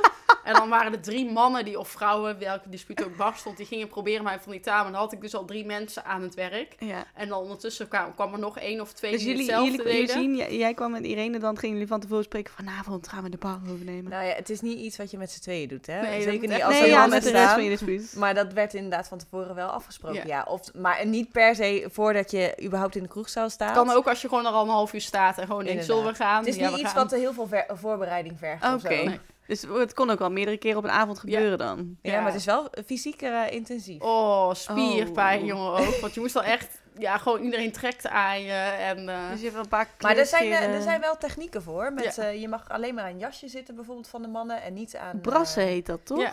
eh, ja, inderdaad. Oh, ja, niet, aan, eh, niet aan een das. Ook niet aan haren, wat overigens wel een paar keer gebeurd is. Oh. Zitten er dan van die bitchy meiden tussen? ja, nee, dit eh, was een vent en die dacht, Oh. eh, ik hilde alles bij elkaar. En die heeft me gewoon helemaal aan mijn haren van voor naar achter de bar getrokken. Ah. Dat was echt vreselijk. Auw. Maar die was ook niet zo aardig. Ehm, toen heb ik echt hele bosse haren uit mijn haar getrokken, 's ochtends. Dat was echt heel extreem. Maar het was het waard. het was het waard, zeker weten. Het was zeker weten waard. En hoeveel biertjes heb of hoeveel pilsjes, om eh, even de goede term te gebruiken, heb je nou uiteindelijk dan wel eh, weten te tappen? Ja, ik weet niet of ik... Ik heb er zelf niet heel Want veel dat is uiteindelijk getapt. het doel, hè? Ja. Dat je de bar overneemt, zodat jij achter de tap staat en gratis kan drinken. Oh, oké. Dus dan een, een soort van je eigen hachje. En dan heb je... Hoe duur, was, hoe duur was pils? 1,10 voor één pilsje. Oh, prima. Maar dat was in die tijd was natuurlijk... eh, Ja, veel. maar is het altijd 1,10 geweest? Ja, een open feest was 1,30. Oh, ik dacht dat het ook wel 70 cent was geweest. Of was dat ergens anders? Nee, dat was bij de bunker. Oh. Wat, is, wat is de bunker? Ja, er was dus onder zo'n hele grote flat waar heel veel studenten wonen. Ja. En dan had je daar ook een kroeg. En daar kon je dus voor 70 cent inderdaad bier drinken. Maar daar ging ik ben daar denk ik drie keer geweest. Ja, Oké. ook. En eh, hoe lang heb je nou in Wageningen gezeten? Eh, zeven jaar heb ik gestudeerd en zes jaar ben ik heb ik volgens mij in Wageningen gewoond. Buiten Boedapest dan om. En dat in Zuid-Amerika, dat was ook nog in die tijd. Nee, dat, toen ben ik weggegaan. Toen ben ik niet meer. Dus 2005, ja, 2009 tot 2015. Zes jaar heb ik op. eh, Echt wel een hele lange tijd ook. ja, En hoe eh, was er dan... ehm, je hebt natuurlijk je eerste jaar is heel iconisch en dan ga je heel veel ontdekken. En op een gegeven moment weet je je weg wel een beetje. Maar hoe zorgde je dan voor dat je je niet ging vervelen? Hè? Was het dan op een gegeven moment van... Oh ja, nou ja, KSV. ja, het was wel ieder jaar hetzelfde eh riedeltje. Dus dat was op een gegeven moment, na het vierde jaar, dacht je wel... Oké, die gaan weer de disputentijd in. Moeten we weer leuk doen tegen eerstejaars om ze binnen te krijgen. Dat was wel op een gegeven moment. Ja. Dan hebben we weer dat feest. Oh, en dan hebben we weer die borrel. Oh ja, hebben we weer dat weekend. maar ja, het was altijd met andere mensen. En eh, er kwam altijd alcohol bij kijken. En, Ja, maar ik denk als ik naar jouw leven kijk in je studententijd, dat jij ook wel de persoon was die heel veel dingen ernaast deed Ja. in de vorm van commissies. ja, dat is ook waar. Oh ja? Ja, ik heb ook al veel dingen na. En ik ben ook naar Boedapest geweest. eh, dus dat was ook een goede break, zeg maar, tussen, eh, tussen al. En Vietnam ben ik heen geweest. En ik heb inderdaad commissies gedaan. Dus dan, ja, elke keer ga je toch wel weer nieuwe dingen. Ja, dus je had wel een soort van tussenpoze dat je even, even weg was. Dus Ja. wanneer ben je naar Budapest gegaan? In je derde jaar? Nee, mijn vierde jaar was Vierde dat. jaar? Ja, begin vierde jaar, 2012. Dus, eh, Ja, ik kan me herinneren dat ik nog op bezoek ben geweest als Ja. verrassing. ja, dat was Mhm. leuk. Ik woonde toen zelf in het buitenland en toen eh, kwamen alle vriendinnen vanuit thuis en toen was het opeens hallo. Ja, dat was echt heel leuk. Dat was wel heel grappig, want ik kan me ook nog herinneren dat we toen, eh nee, we hadden het net bij de jeugd eh, herinneringen erover van hoe ben je dan bij elkaar gebleven. Dat was echt de periode dat we elkaar amper zagen. Ja. Dus ik heb jou ook nooit opgezocht. Hoe lang heb je daar gezeten? Anderhalf jaar in Ja. Stockholm en toen een Denk ik echt nu. Dus denk ik, ja. ik kan me het niet voorstellen dat ik jou niet zou opzoeken als je Ja. anderhalf jaar in het buitenland woont. Ja, maar toch, ja, toen was het gewoon heel even out of the picture. Iedereen was met hun eigen ding bezig. En ik kan me herinneren dat er toen dus iedereen bij elkaar kwam en dat er ook echt wel een beetje een, ehm, eh, een eh, strijd was met verhalen. Gewoon, je wil echt de, bewijzen dat je de leukste studententijd had, of dat je de meeste herinneringen had. En dat was wel lastig, omdat iedereen zo'n ander leven had. Ehm, dus ik kan me herinneren dat Budapest heel leuk was, maar ook wel best wel veel strijd onderling was. Oh, dat kan ik me niet herinneren. Maar... Ja, maar jij was altijd gewoon lekker chill. Gewoon Ja. echt de balans ook. Dus Irene kon wel heel erg helpen in dan gewoon alles weer een beetje, een beetje koeltjes houden. En uiteindelijk was het wel heel gezellig, maar dat was wel nodig om iedereen soort van weer een beetje bij elkaar te trekken. Dus ik kan me wel herinneren dat dat wel een beetje een soort eikpunt was. Waarop we toen daarna weer verder gingen van, oh ja, oh ja, jij zit daar. Oké, dan ga ik een keer daarheen. Ja. De ene zat in Maastricht, de andere in Wageningen. Eh nou, ik dan in het buitenland. Van, oh ja, hoe gaat het eigenlijk met je? En wat doe je daar dan? Mhm. Ja. Eh, hoe is dat nou? Je hebt me ook nog opgezocht in Boedapest. Ja, met de jaarclub. ja. Inderdaad. Maar ehm, je hebt natuurlijk, eh, toen je naar Boedapest ging, had je al eh, een goed beeld van Wageningen. Ehm, eh, je keek volgens mij, wat ik me herinner, heel erg uit naar Boedapest. Heeft Boedapest ook die, eh, dat waar kunnen maken? Ja, zeker. Dat was wel echt... Ik had het met Jasmijn nog over. Zij wat, er was een vraag in een of andere random wandeling die we laatst aan het doen waren. Er was een vraag van hoe oud zou je willen zijn? Toen zei Jasmijn eigenlijk 21. Toen had ik gedacht, ja, ik, ik vind Boedapest was wel echt de beste tijd in mijn leven. Alleen dat ik Paul nog niet kende, maar als ik wat? nee, maar dat was echt, ja, ik weet niet. Ik vond Boedapest wel echt, eh, het- ja, dat was gewoon echt, want iedere dag was anders. Iedere dag was avontuur. Dan gingen we daar een weekendje heen. Dan kwam die je weer opzoeken. Dan, het was echt één groot avontuur, zeg maar. Het was Hoe echt, kwam je daar terecht toen? ja, dat is ook nog grappig. Via de zus van Paul dus. Oh joh. Dat is echt heel alle, alle wegen leiden naar Ja, Paul. echt heel. Ja, dat denk ik ook echt. Want dit was gewoon zo een soort van meant to be. Maar nee, die zus van Paul die was dus een jaar daarvoor geweest. En ik wilde heel graag op Erasmus, ergens heen naar het buitenland. En toen was ik met mijn studieadviseur aan het praten. En toen, ik wilde heel graag, eh, heel veel mensen wilden naar, of naar juist een Engeland of naar een, eh, hoe noem je dat, Scandinavisch land. Maar ik dacht, ik wil gewoon naar goedkoop land, goedkoop bier. Let's go, waar Ja. veel party is. En toen had ik mijn studieadviseur gevraagd en die zei, nou, ik ken iemand. Je hebt gewoon letterlijk dit gevraagd. Veel party, goedkoop bier, Ja. gezellig. Nou, ik denk het wel. Ja, ik had een hele goede band met haar. Ze hele, hele Ze vrouw. heel goed mee. Ja, en toen zei, zei zij volgens mij van... Oh, ja, Tineke van Estonk, die is daar vorig jaar geweest. Misschien kan je die een berichtje sturen. Dus heb ik die een berichtje gestuurd. En die, was, en die zat ook bij KSV, dus die kende ik ook al een beetje. En die was super enthousiast hierover. En die was echt het mooiste verhaal aan het vertellen. De beste feestjes. En toen dacht ik, ja, dit wil ik. Ja, Let's go. is eh, mijn place to be. Ja, Ik kan me ook herinneren dat je zei van ja, eigenlijk moet je gewoon altijd eten, want eh, boodschappen is duurder doen dan Ja. eh, uit eten. ja maar je kon echt voor drie euro ook weer eruit eten. Nou, is daar, is daar ook jullie idee voor de soep Ja, eh, ja, ja, eh, ja, ja, ja, ja, ja. ja. Ja, leuk dat hij in ieder hoofdstuk even terugkomt. Ja. Eh, want er was daar een, er was daar een soepbar. Ja. En daar ging jij volgens mij heel vaak heen, Ja, en ik zat tegenover de Unie en er was echt een winkeltje van, nou, ik denk drie bij drie meter. Je kon echt met twee mensen in dat winkeltje staan. En Ja. ze hadden altijd vier verse soepen en er stond altijd een rij voor die winkel. Ja. En dan kon je gewoon voor 2 euro kon je een halve liter verse soep halen. Ja, gewoon zo'n kartonnen beker. Zag er Ja. heel tof uit. Ja. En dan kon je gewoon lekker verse soep drinken. Nou, echt fantastisch. Ja. En jij bent natuurlijk altijd soepaholic geweest. Ja. ja, en ik dacht gewoon, dit is echt top, want het is gewoon gezond, afwisselend, makkelijk. Ja. Toen dacht ik, dit moet in Nederland ook komen. Helaas. Helaas. Nog niet. Nog niet. Nee, er is er één. Er is er oprecht Ja. een soepwinkel in Die kwamen Utrecht. laatst achter. Raad eens hoe die heet? Ja, Soeper. super. Onze naam. Oh nee! Ja, het ligt allemaal aan mijn vader uiteindelijk. Die zei dat het niet slim was om in de horeca te investeren, want dat kostte veel te veel geld. Ja, nou uiteindelijk met corona denk ik dat dit een goede, Ja, toch wel. goede keuze is. Nou geweest. ja, Ja, ja. weet ik niet. Nee, we, we afhalen. hadden een test gedaan Ja. met thuisgekookt. Toen heb ik Ja, dat twee of drie keer hebben we dit gedaan. En toen dacht ik, oh, dit is echt... Ik zou dit echt Een niet hoop snijden. willen Ja, doen. goede, Ja. goede business validatie. Nee, nee, nee, geen zin. Oh ja, hoeveel liter moeten we dan maken om winst te maken? Oh god, zo'n soep. Wanneer kunnen we dan mensen inhuren? Nee, dan houden we echt niks over. Nee. Laat maar. Laat maar. Laat maar. Ja, nee, dus daar is wel Alleen slapend rijk worden, Ja, ik ja, al. ja. Nou, ik had het idee met Danielle toen we dag, want Danielle die was dus die was van Ceres uit Wageningen ook. En toen zaten we samen in het vliegtuig. En daarop toen uiteindelijk zijn we dus samen gaan wonen in Boedapest. En wij gingen daar dus elk, bijna, ja, niet elke dag, maar wel een paar keer per week heen. Dus wij zeiden, dit gaan we openen in Utrecht. Oh, leuk. En eh, eh, eh, het leven in, in Budapest was dan... wat moest je daar eigenlijk overdag doen? Erg weinig. Ze hadden ook de vrijdag vrij gepland, want ze wisten Erasmus-studenten komen toch niet op vrijdag. Dus vrijdag was voor iedereen vrij. En ehm, ik had ook precies uitgezocht dat ik vakken had die dus pas om 11 uur begonnen. Dus dat ik altijd kon uitslapen. Dat ik gewoon helemaal uit... Alleen op maandag moest ik om half negen beginnen, maar dat maakte niet uit, want zondag ging je niet uit. Zondag en dinsdag waren de twee avonden dat je meestal niet uitging. Dus maandag was dan de, legendarische avond. En dan kon je, voor, als je voor 11 uur binnen was, kon je volgens mij voor 50 cent kreeg je 2,5 liter bier. Dus iedereen was om kwart voor 11 binnen. Nou, en dan was dus die avond Ja. en de 2,5 liters, Helemaal drie zelfs. Want je kon ze niet vasthouden. Dus eentje moest je eigenlijk in één keer naar binnen gieten. En dan had je nog twee vast. Nou, en dan eh En hoe heette die eh shortje ook weer? Pa, pa- Palinka. Palinka. Oh, ja. Smerig. Ja. Ja. Niet te doen. Nee.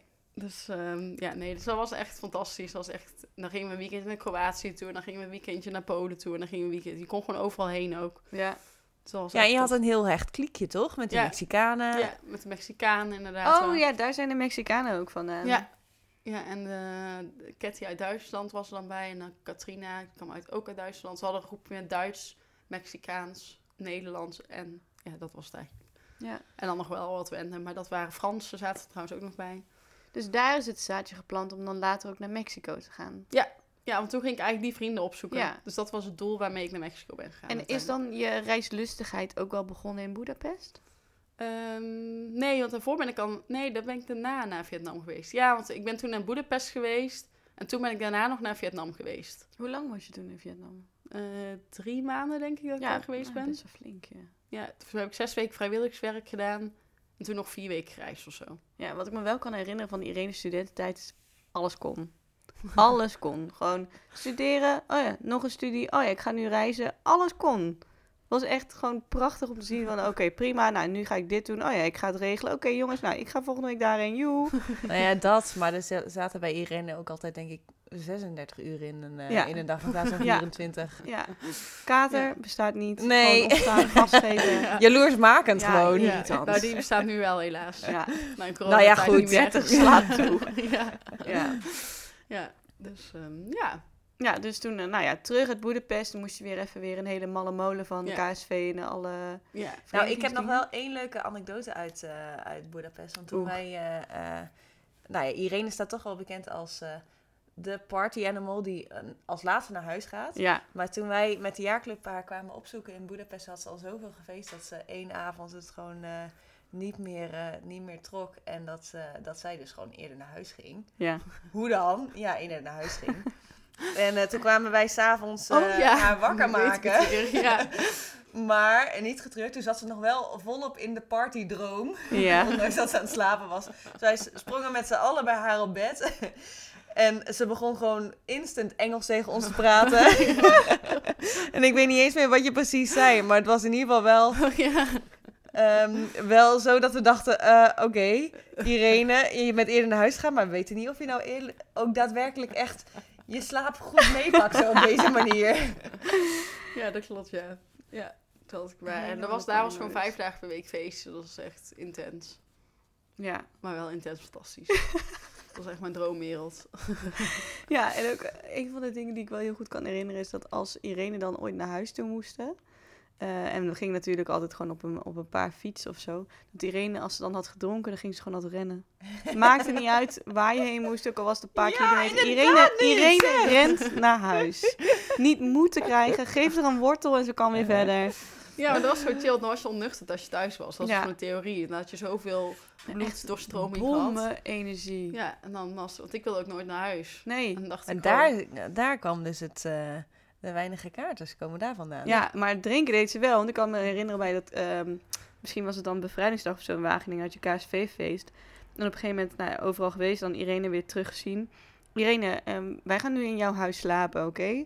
Wil jij nog blijven? Ja, ik wil nog blijven! En dan moest je er al een soort van overeind houden. Dat ze eigenlijk best wel gewoon aan de tak zat.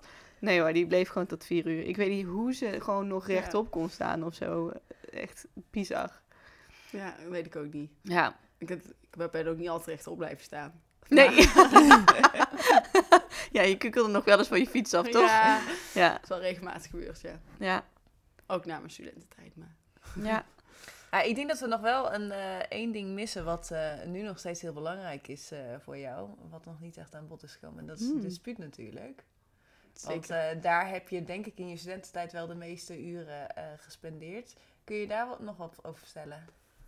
Ja, dat was iedere woensdag. En ik heb ook bestuur gedaan. Maar dat was wel echt gewoon... Daar voelde ik me helemaal thuis. En ehm, ja, daar kwam ik echt helemaal tot leven. En dat was gewoon eh, iedere woensdag. Maar wat ik zei, bar overnemen. Er- ik ging iedere woensdag ik pas om vier uur naar huis. Was ik weer een van de laatste. En ehm, weekendjes organiseren. En vakanties organiseren. En Ik kan me nog een foto herinneren met allemaal billen op een boot. Oh ja, ja, dat was de laatste lustrum vakantie, ja. Ja, dus dat was echt wel... ja, daar heb ik ook gewoon heel veel vriendinnen aan overgehouden. En ehm, heel veel van geleerd ook. Omdat je dan met allemaal verschillende jaren... Dus iedereen... Zeg maar, in het begin ben je jonkie en kan je wat leren van de ouderen. En uiteindelijk word jij die oudere die Mhm. dingen leert aan de jonkies. Dus dat je het soort van heel bewust meemaakt dat je eh, daarin groeit. Ja, of- precies. Ja. Dat je groeit als mens. En ook omdat je allemaal dingen moet organiseren en moet regelen. En ehm, Ja, tof. Ja, en gewoon, ehm, ja, wel echt heel veel vriendschap aan overgehouden. Ja. gewoon, ja, het paste gewoon echt, dat, dit dispuut paste ook gewoon echt heel goed bij mij, qua Ja. mensen. Dus, ehm, En wat Maak- was dan het spe- Ja, wat maakte dat dat het paste? Precies. ehm, ja, ik denk eh, de, ook wel de mix van mensen. Het was niet, eh, het was, zat van alles door elkaar en dat, dat trekt mij altijd wel. Wat ik zei, dat ik op basisschool, middelbare school ook altijd met iedereen om kon gaan. Ehm, en ehm, wel gewoon heel erg eh, niet lomp, maar ook niet verlegen, zeg maar. Ze zaten ook weer een beetje ertussenin. Ja. Dus niet op hun mondje gevallen waren de meeste. Ja. Eh, maar ze waren ook niet degene die in een nieuwe groep eh, als eerste Ja. de voortoon. En dat, dat, wa- dat was een beetje de, de gemiddelde Mhm. Fox. En dat is ook gewoon precies hoe ik ben. En Hoe ja, dat, dat hebben we nog niet genoemd. Hoe heette ze? De Royal Foxes. De Royal Foxes. zeker. Nee, dus dat... ehm, ja, dus daar voelde ik me... Ik denk dat dat het is. Of wat denk jij, Josien? Wat, eh, Nou, ik denk eigenlijk wel dat je het heel goed beschrijft. Ja. En ik denk ook wel ehm, dat eh, het dispuut zo'n soort van verdieping vroeg van iedereen. Omdat ze eh, met vergaderingen bijvoorbeeld altijd een hoogte dieptepuntje deden. Oh ja. Dat iedereen zich ook wel ehm, bijna verplicht voelde om zich kwetsbaar op te stellen. En Ja. op die manier dan eh, een diepere relatie met iedereen te krijgen. Ja, en ja. dat daar ook de ruimte voor was. Dat je dat daarin ook een beetje werd opgevoed. Van oké, het is beleefd om ook te vragen van... Oh, hoe is het nou met je? En wat gaat nu goed en wat gaat niet goed? En Ja, precies. En ehm, ik kan me zo voorstellen dat, ehm, eh, omdat jij altijd superveel aan het feesten was, dat daar verder ehm, anders misschien minder ruimte voor zou zijn geweest. Ja. Ja, ik was er zelf denk ik nog steeds niet heel goed in om... eh, echt de diepte in te gaan met mensen of zo. Maar dan was dat zo'n moment en dacht je, oh, ben je, is, is dit gaande in jouw leven Ja. of zo? Dat vind ik altijd wel heel fijn om te horen, want ik ben inderdaad in de kroeg.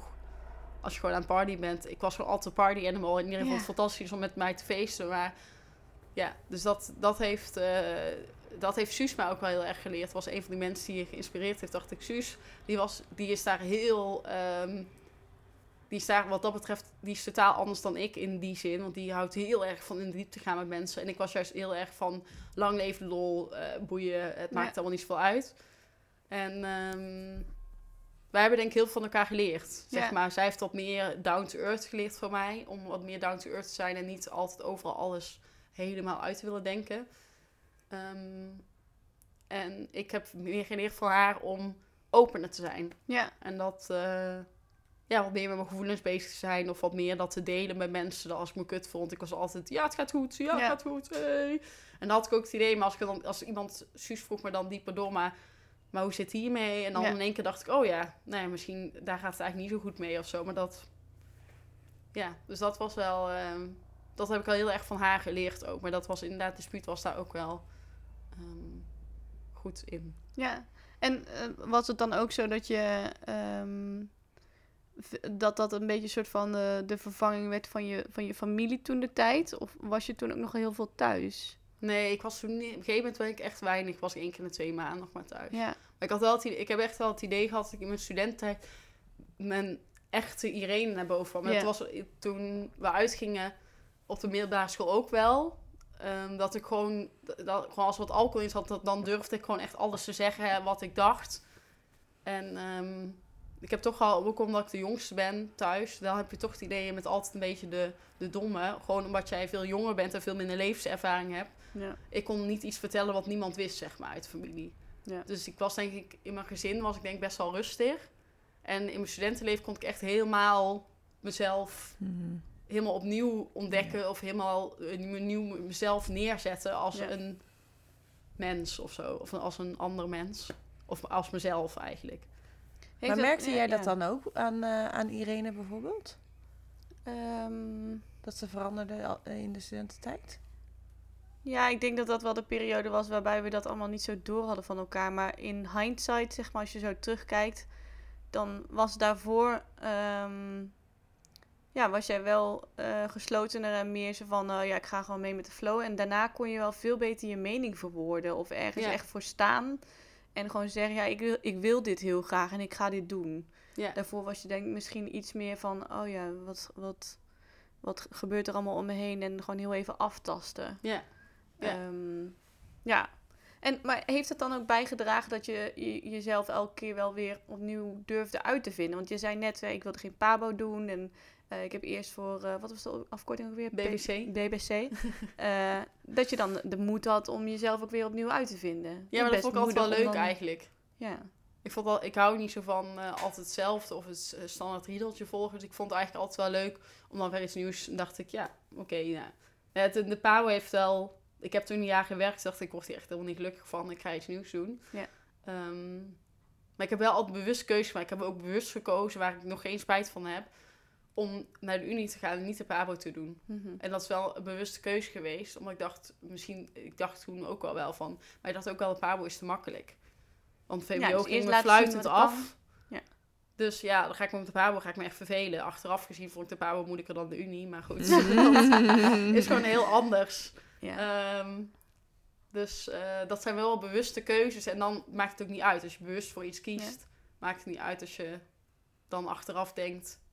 Oh, misschien was dit niet de beste keuze, maar ik- op dat moment was dat wel de beste keuze of zo. Ja. Want je, je ziet, je hebt er natuurlijk door de jaren heen ook al, al meegemaakt. En als je dan vergelijkt die eerste, dat eerste moment op het toilet eh, tot en met het einde van de studententijd. Nou, dus er zitten al zeven jaar voorheen. Waarschijnlijk was je er niet de hele zeven jaar.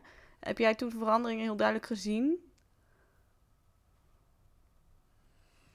Nou, weet je, eh, ik denk dat het een beetje lastig is eh, voor mij eh, om die vraag te beantwoorden. Omdat, ehm, omdat ik Irene natuurlijk nog niet zo goed aan de start kende. Omdat Ja. dat toen pas echt begon. Maar ehm, ik, heb niet, ja, ik heb het gevoel dat jij je gewoon eigenlijk vanaf het begin dat je in Wageningen was... op dan in vergelijking met wat je vertelde al, hoe je eerder was, eh, gelijk op een andere manier hebt opgesteld. Ja. En, ehm, als en dat dat eigenlijk zo. Ja. ja. precies. En dat dat zo is, is gebleven in de, in de hele tijd en nu ook nog steeds is. Ja. Ja. Dus ehm, ik heb dat, nee, ik heb dat niet zo gemerkt. Ik kan me wel voorstellen dat je in Wageningen als extravert werd gezien. Ja. En zo kan ik me jou op de middelbare school helemaal niet herinneren. Nee. Dus dat is wel een heel groot verschil dan. Ja. Ja. Ja. Ja, want jij was echt, zeker bij het dispuut, eh, als er dingen eh, eh, gedaan moesten worden of dingen uitgeprobeerd moesten worden, nou dan eh, stak iedereen er gelijk de hand op van, eh, dat Ja. doe ik. Ja. Ja. ja. dus dat denk ik ook wel bij dispuut dat ik daar wel, eh, nou, daar, daar inderdaad ook echt helemaal mezelf kon zijn. Ehm, ja, dus dat, ja, dus, en maar dat is in Wageningen. Maar wat je ook zegt over dat bewuste, dat denk ik wel dat in de loop van de tijd, dat ik ook vegetariër ben geworden. En dat in de loop van de tijd is dat wel, Ja. ben ik wel steeds eh, bewustere keuzes gaan maken Ja. in hoe ik, en dat durfde ik ook meer uit te spreken of daarin wat minder volgzaam te zijn. Of zo. Ja. Dat was denk ik in het begin van de studententijd, was ik nog wel gewoon volgzaam, maar wel ehm volgzaam in de zin dat ik wel mezelf was of zo. Ja. Nou, ik weet niet. Oh ja. We hebben net stiekem even overlegd, maar nou vergeet ik spontaan de vraag. Nee, maar ehm, eh, we hebben nu al heel veel gehoord over jouw eh, studentenleven. En eh, ik ben eigenlijk nog benieuwd wat nou het allermooiste moment is geweest in je studentenleven. En daarnaast ook, mocht je het allemaal nog een keertje opnieuw kunnen doen, wat je dan anders zou doen. Oké. Nou, het hoogtepuntje, ja, dat klinkt, was eigenlijk de afsluiting van mijn studentenleven, mijn afstudeerfeestje. Dat was gewoon, ja, die afstudeerfeestjes bij KSV waren sowieso Oh ja, er zitten allemaal van die fantastisch. rituelen aan vast. Ja. En dan kun je nog al die filmpjes en... Ja, dus dat is gewoon echt legendarisch. Dat hele, dat je thuis wordt opgehaald en dan staat de hele vereniging te zingen met al je vrienden ook van, van thuis of van... eh, nou, Als geisha toch ook? ja, ja, Ja. want ons dispuut is Japans. Ehm, en dan eh, word je in de kroegzaal, eh, gaan allemaal mensen voor je zingen en dan heb je een diner. En dat was al een schoolklaslokaal, dus dat was alweer een voorbode dat ik echt juf moest. Nee. Ehm, nee, dat, was, dat vond ik zo mooi. En ja, dat was gewoon echt legendarisch. En dan gewoon tot zeven uur s ochtends doorgaan. En ja, dat, dat is gewoon zo'n zo'n kers op de taart. Gewoon Ja. leuk om al je mensen die je kent uit je studentenleven en alle herinneringen op te halen. Dus dat was zeker het hoogtepunt van mijn studententijd. En eh, die, of iets wat, je, wat ik opnieuw zou doen, ja, dat vind ik Anders heel zou moeilijk. doen? Anders zou doen. Ehm, ja, weet ik niet. Niet minder bier drinken dus in ieder geval. Nee, nee, dat waren de mooiste tijden. Misschien wel met een aantal mannen waarmee ik heb gezoend. Dat ik denk, nou, Ja, niet man. Kan toch iets kieskeuriger mogen zijn. ja, dat had niet gehoeven. Dus dat denk ik, ja. Die zou ik eh, een paar willen overslaan. Ja, Ja, die kan ik ook wel doen. hoort er toch een beetje bij. Ja, Oké. je had nog eentje, toch? Ja, ik heb er nog eentje. Ja, ehm, want eh, je ja. vertelde ook dat je eh, natuurlijk heel erg eh, opkeek naar het studentenleven van je broers en, en zus. En ehm, dus met hele hoge verwachtingen naar Wageningen kwam. Heeft, heeft het zich dat allemaal waar kunnen maken? Zeker, en nog meer. Nee, nee ja, zeker wel. Het was wel echt wat ik ervan verwachtte, maar eigenlijk nog wel veel meer. Omdat ik dus echt inderdaad helemaal... ehm, ja, ik denk wel echt het optimaal eruit heb gehaald. Ik heb wel echt van iedere dag bijna genoten, behalve de hele brakke dagen wat minder. Maar nee, ik heb echt eh, ja, de mooiste tijd van mijn leven gehad. Dat was denk ik echt wel. Oh, wauw. Dus Ja, ik het was, heeft zeker waargemaakt, de verwachtingen. Overtroffen. Gelukkig.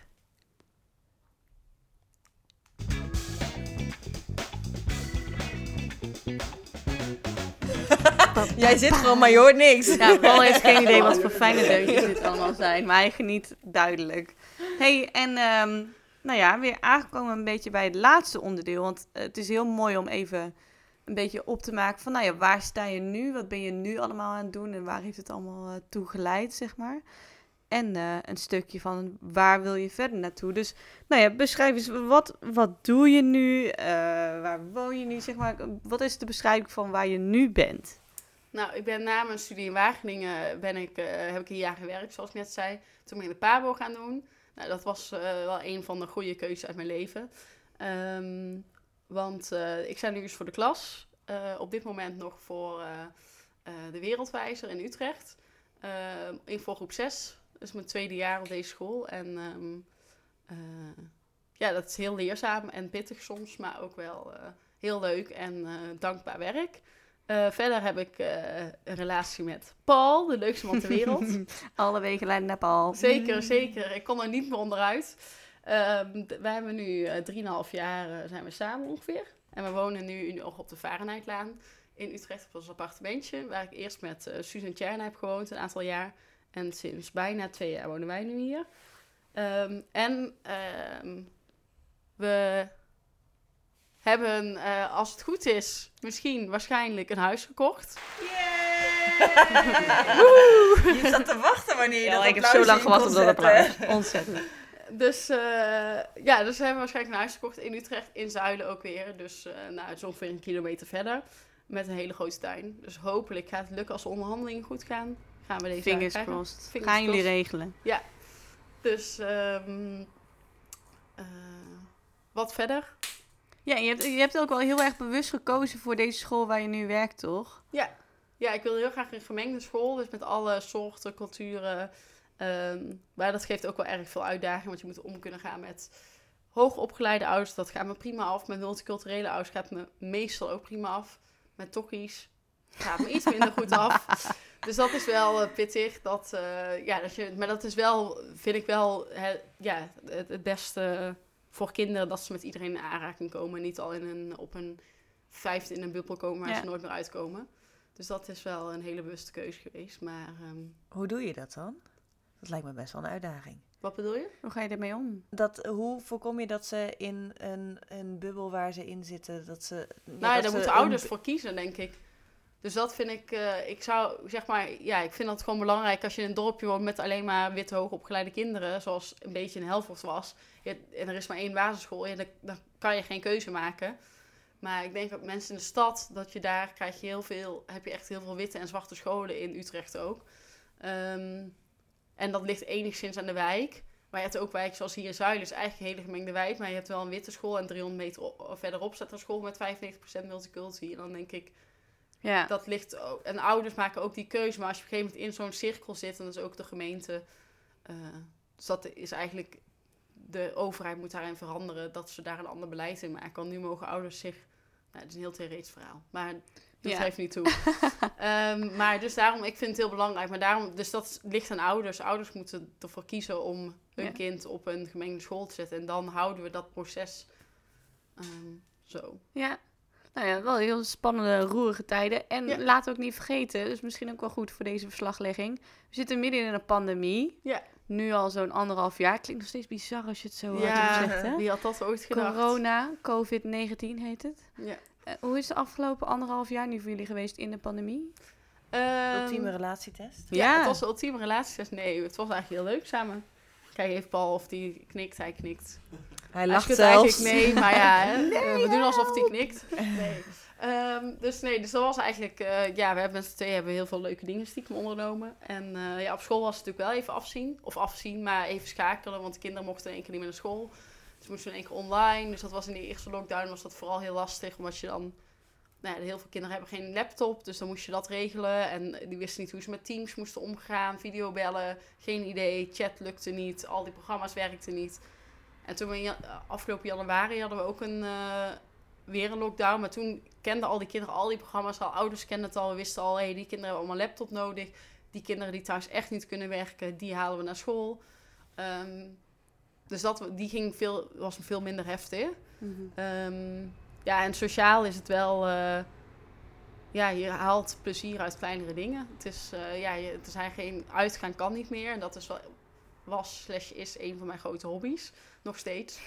Ehm, dus dat is wel heel erg jammer dat je, ja, dat je gewoon niet meer. Dan, heb je, dan maak je echt nieuwe dingen mee, leer je nieuwe mensen kennen. Vorige week waren we bij vrienden van Paul een borreltje drinken. En toen was er een huisgenoot van een van die vrienden. En toen dacht ik echt, ik heb al bijna een jaar niet met echt nieuwe mensen Ja. gesproken. Ja, ja Gewoon- dus ter, ter illustratie, je mag nu weer, er zijn iets wat versoepelingen. Je mag nu twee mensen thuis ontvangen en de avondklok is net afgelopen. Die was tussen, eh, eerst tussen negen en half vijf 's ochtends, dus Ja. dan moest je ook voor negen uur weg. Ja, En heel selectief zijn met wie je eigenlijk over de vloer hebt en waar je heen gaat. Maar jij bent ook altijd wel altijd met alles en iedereen in gesprek. En eh, ik denk dat je daar ook wel veel energie uit haalt, Ja. toch? Ja, dus ik, was, ik kwam echt thuis dat ik echt van, wow, was zo leuk om iemand nieuws te spreken en gewoon even een andere kijk op het leven of iemand waar iemand mee bezig is te bespreken. Dat vond ik echt heel leuk. En dat, ja, dat mis je wel, maar we hebben heel veel leuke weekendjes gedaan en ook met vriendinnen. Ik ben in alle provincies dit jaar geweest. Ja. Alleen Groningen heb ik alleen wat gelopen, één dagje. Dus daar ben ik niet weg geweest. Maar in alle andere provincies ben ik wel op vakantie geweest. Dus dat Ja. was wel heel leuk. Dat je toch wel andere dingen gaat waarderen in het leven. En ehm, Is Ja. het dan tijdelijk waarderen? Of denk je dat dat straks als alles weer kan, eh, dat je ook nog eh, een jaar alle provincies weer zal bezoeken? mm, nee, we willen volgend jaar op wereldreis. Dus ik denk dat dat... eh, daar, ja, dat, dat is... Daar is Nederland niet groot genoeg Daar voor. is ge- Nederland niet groot genoeg voor. Maar Ja. ja, je moet iets. Dus in Nederland zitten ook wel mooie dingen. Maar ehm, nee, ik ben wel als... Ja, op een gegeven moment als je aan kinderen begint ooit... Dan, dan zit je natuurlijk wel wat meer gebonden weer aan een kleinere regio.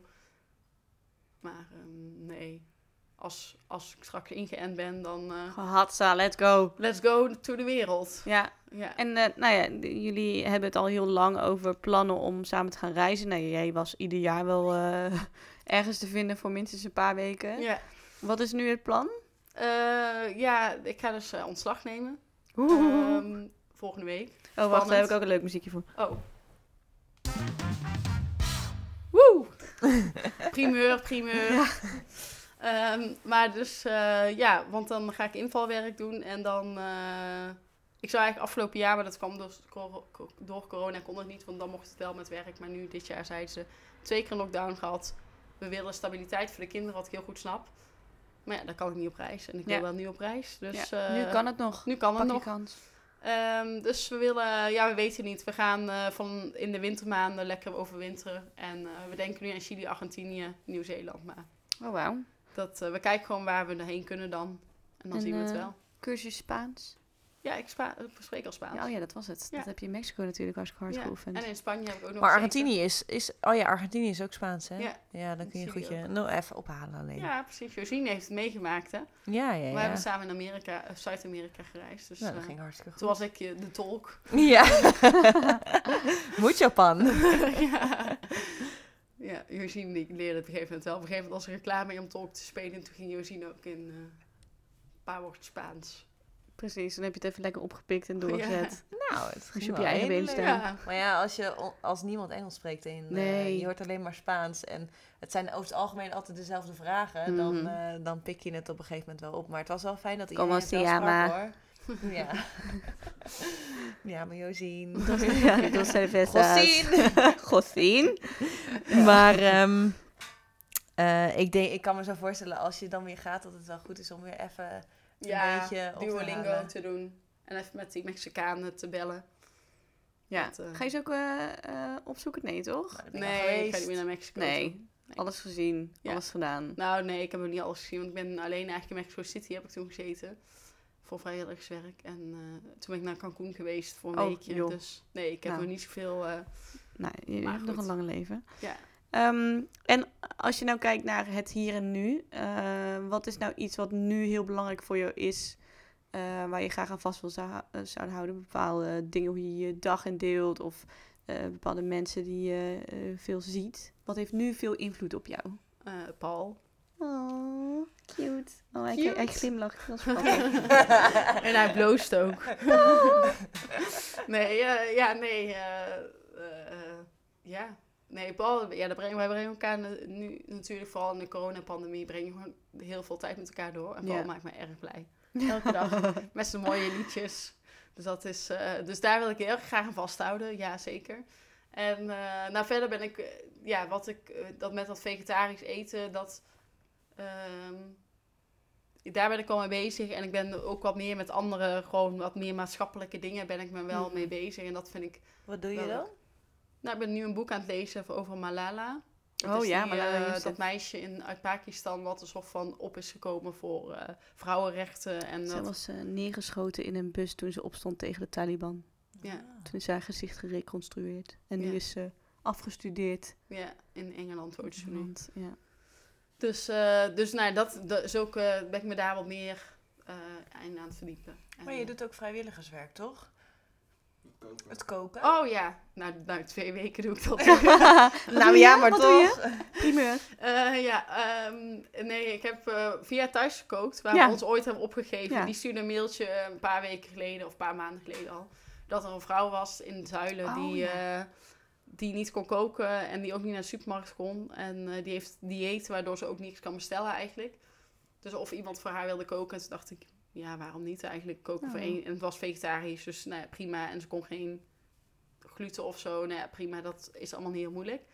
Dus dacht ik, ja, ga ik dat doen. Dus dat ben ik aan het doen. En ik wil volgend jaar sowieso maar vier dagen gaan werken. Zodat ik één dag iets van vrijwilligerswerk kan gaan doen. Bij Ja. de voedselbank of gewoon iets, eh soort van bijdragen. maar iets bijdragen. Dat ik echt denk, oh ja, dat, ehm, ik voeg iets toe aan de wereld. Ja, wat mooi. Ja. En denk je dat je de rest van je leven eh, op de basisschool blijft werken? Nou, niet de rest van mijn leven, denk ik. Maar eh, nog wel, eh, ik, ik zie nu nog genoeg uitdaging voor de komende tien jaar zeker. Ehm, waar ik daarna heen ga, weet ik niet. Eerst dacht ik, ik ga directrice worden. Nou, als ik nu zie wat mijn directrice allemaal doet, denk ik, nee, Nee, dank je. bedankt, nee. Ehm, eh, dus nee, ja, ik weet niet. Ik denk niet de rest van mijn leven dat ik hier genoeg uitdagingen uit ga halen. Maar ehm, wat dan wel, weet ik niet. Maar ik wil wel iets met onderwijs of iets... echt interactie met kinderen vind ik wel heel erg leuk. Ik kan me dus ook herinneren dat jij ooit hebt gezegd. Ik ben heel benieuwd hoe je er hier nu over denkt. Ehm, Ik ben heel benieuwd naar jou. dat jij zei van ja, ik weet niet echt of ik eh, nog verder door moet studeren of heel lang blijf werken, want ik wil toch huisvrouw worden. Ja, dat is nu niet Is dat veranderd? Nee, ik, Paul Ze hebben een schoonmaakster, hè? Ja. Ja, Oh, Paul ja. Blijft dat niet meer zo over. wilde worden. Maar de- dat heb ik al gezegd, nee, ik ga wel minder werken dan jij, hoor. Dat, ja. Oh, dus Helaas. toch nog wel een beetje traditioneel. Ja, ja. ja, maar ik bedoel, ja, ik hou van kinderen.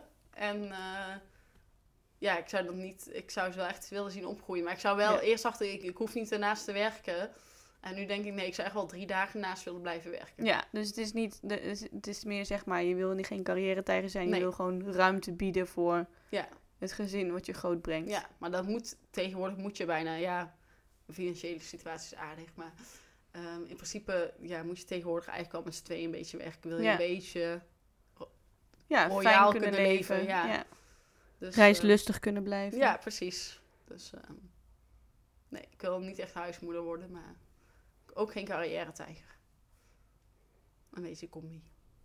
En hebben jullie dan al met z'n tweeën helemaal de toekomst uitgestippeld? Ehm, Zeker. Ja, Ehm, over eh, eh, drie weken dan eh, gaan we Eerste tekenen. huisdier? Eerst, ja, dat is over drie maanden. En over acht maanden dan vraagt Paul met een huwelijk. En dan over Heb je allemaal contractueel laten opstellen Ja, de 13 notaris? maanden gaan we trouwen. Ja. En over, Oh, leuk. Ik hou de datum als vrij. 1 en 9 in idee. Nee. Hebben jullie het daar samen vaak over? Wat, over de toekomst? Nee, ja, meer gewoon de, de, de planning. Je hoort af en toe mensen van, nou ja, ik wil Nou, dan ik vind het wel leuk om erover te brainstormen of zo. Maar wel Met Paul. Ja, ook wel. niet, maar het is meer ook wel nu met een reis van ja, waar zien we onszelf en nou ja, eh, leeftijd ook wel. En hoe zien we onszelf over een paar jaar. Maar niet over 10 of 20 jaar, maar meer in de komende paar jaar. Omdat je ook weet Mhm. met werk. ehm, mijn werk is natuurlijk heel erg in schooljaren opgedeeld. Dus ik moet, alsof als ik begin in september aan, aan een klas, dan zit ik eigenlijk tot en met de zomer, vind ik, aan die klas vast. Dus dan is het wel fijn om daarvoor te denken van, hé, hey, willen, willen we nog op reis dit jaar? Want dan moet ik ontslag nu nemen, zeg maar. Dat Ja. zit je gewoon net wat, wat vaster. Maar ik vind het wel leuk om daarover te fantaseren, maar niet over over tien jaar. Dat, dat weet ik niet Ja. wat ik dan doe. Dat wil ik ook nog vrij laten. Maar ik vind het wel leuk om over een jaar of over twee jaar zo een beetje... Maar dat hoort ook wel een beetje bij deze leeftijd natuurlijk. Ja. Dus er zijn niet enorme dingen waarvan je zegt, daar werk ik naartoe. Dat zou dan, is dat dan eerder misschien een gezin? Ja, dat zou ik uiteindelijk wel willen, maar dat wil ik nu nog niet. Nee, maar als je denk, nadenkt Ja. over dromen, zeg Ja. maar. Ja, dat is zeker wel een droom. Ja. Ik hoop dat het wel ooit eh, gaat uitkomen, maar hoeft nu nog niet. En groot of klein? Nou, eerst zei ik eh, acht. Dus toen werd het vijf. En nu zit ik op drie.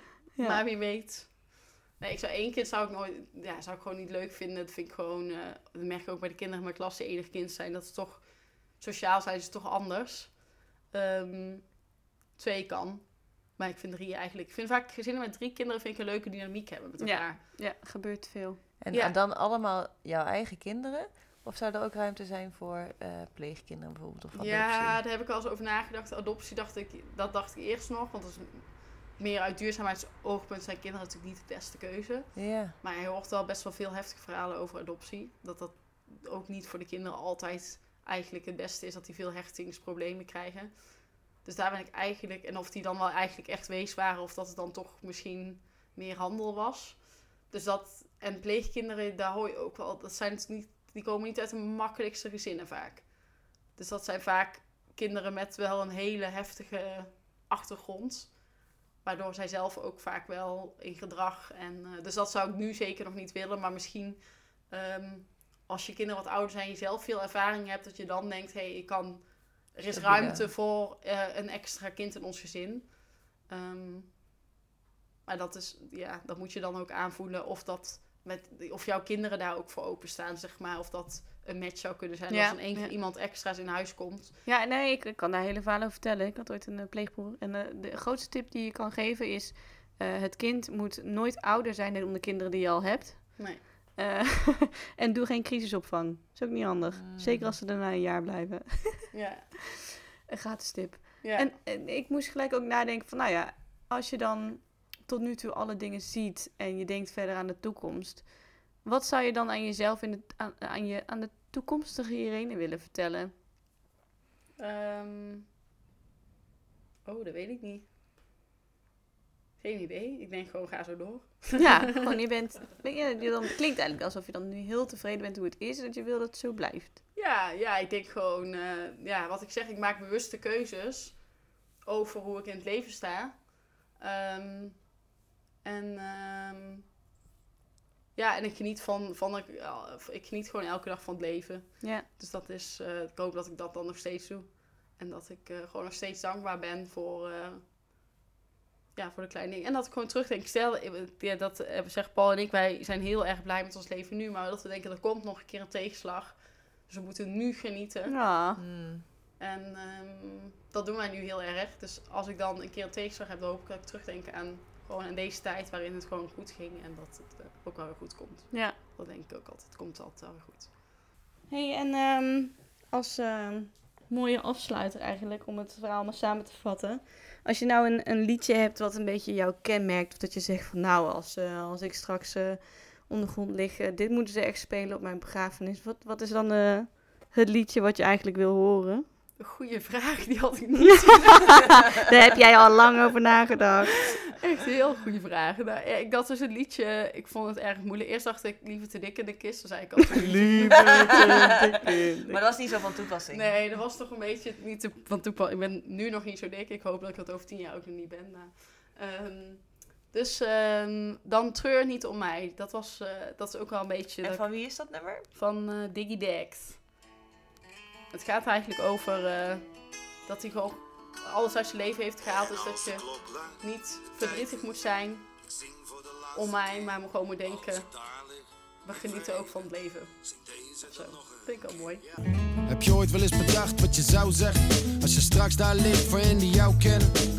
Wat zijn de woorden die je mee zou willen geven? Hier, dus bij deze, mijn ode aan het leven. En ik heb alles hier gedaan wat ik wou. Ik heb dingen voor mezelf en gemaakt voor jou. Ik heb het zilver al gezien en gegaan voor goud. Ik had het soms fucking heet en soms dagen koud. Maar ik heb altijd geprobeerd om te gaan voor liefde.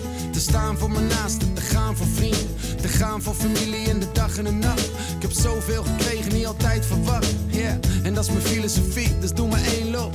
Als ik weg ben, dan denk aan dat. Waarvoor je weet is je show.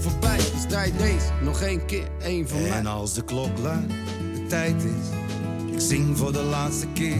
Als ik daar lig in vrede, zing deze dan nog een keer. En als de klok luidt, bouw dan een mooi feest voor mij.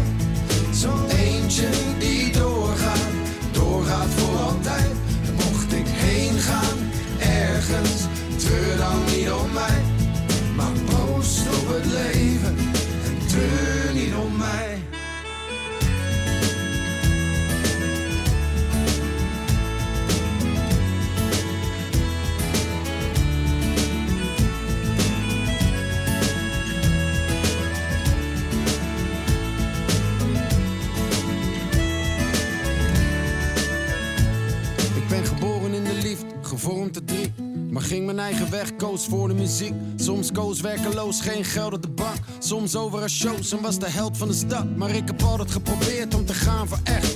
Dat lukte vaak wel, maar ook soms niet echt. Ik heb mijn zinnen afgemaakt, elk woord gezegd. En ik ben overal geweest, Zuid, Oost, Noord, West. En ik ben broke geweest en ik heb buit gemaakt. Ik heb liefde gekend en ook weer uitgemaakt. En ontzettend veel gehouden van haar en van hem.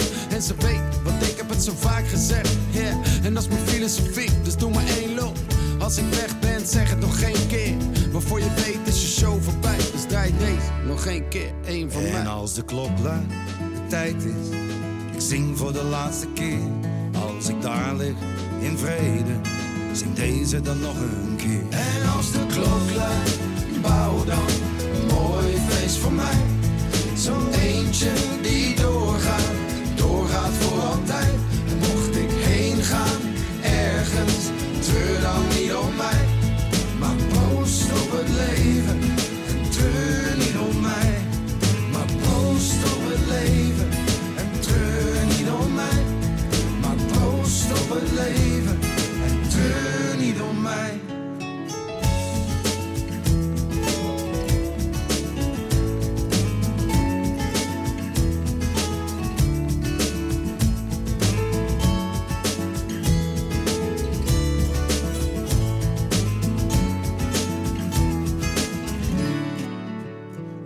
als de klok luidt, de tijd is.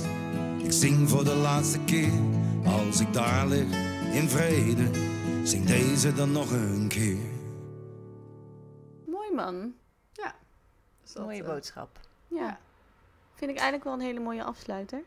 Nou, ik ook. Ja, wel hè? Ja. Alles komt goed. hè. Dat heb ik wel van Paul geleerd. Ah, uiteindelijk. Ja, ik was ook altijd wel zo, maar Paul die heeft mij daar nog wel een next level in gebracht dat alles altijd goed komt. Ja, no stress.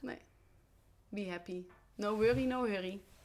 Nou, dan gaan we hem nu afsluiten. Komt-ie. Yes! Woehoe! Het is gelukt. Jee, tot over eh, 10 of 20 jaar zei je, hè? Ja. Spannend. Terugkijken op al je verhalen dan. Cringe. Ja. We hoeven niet heel de jeugd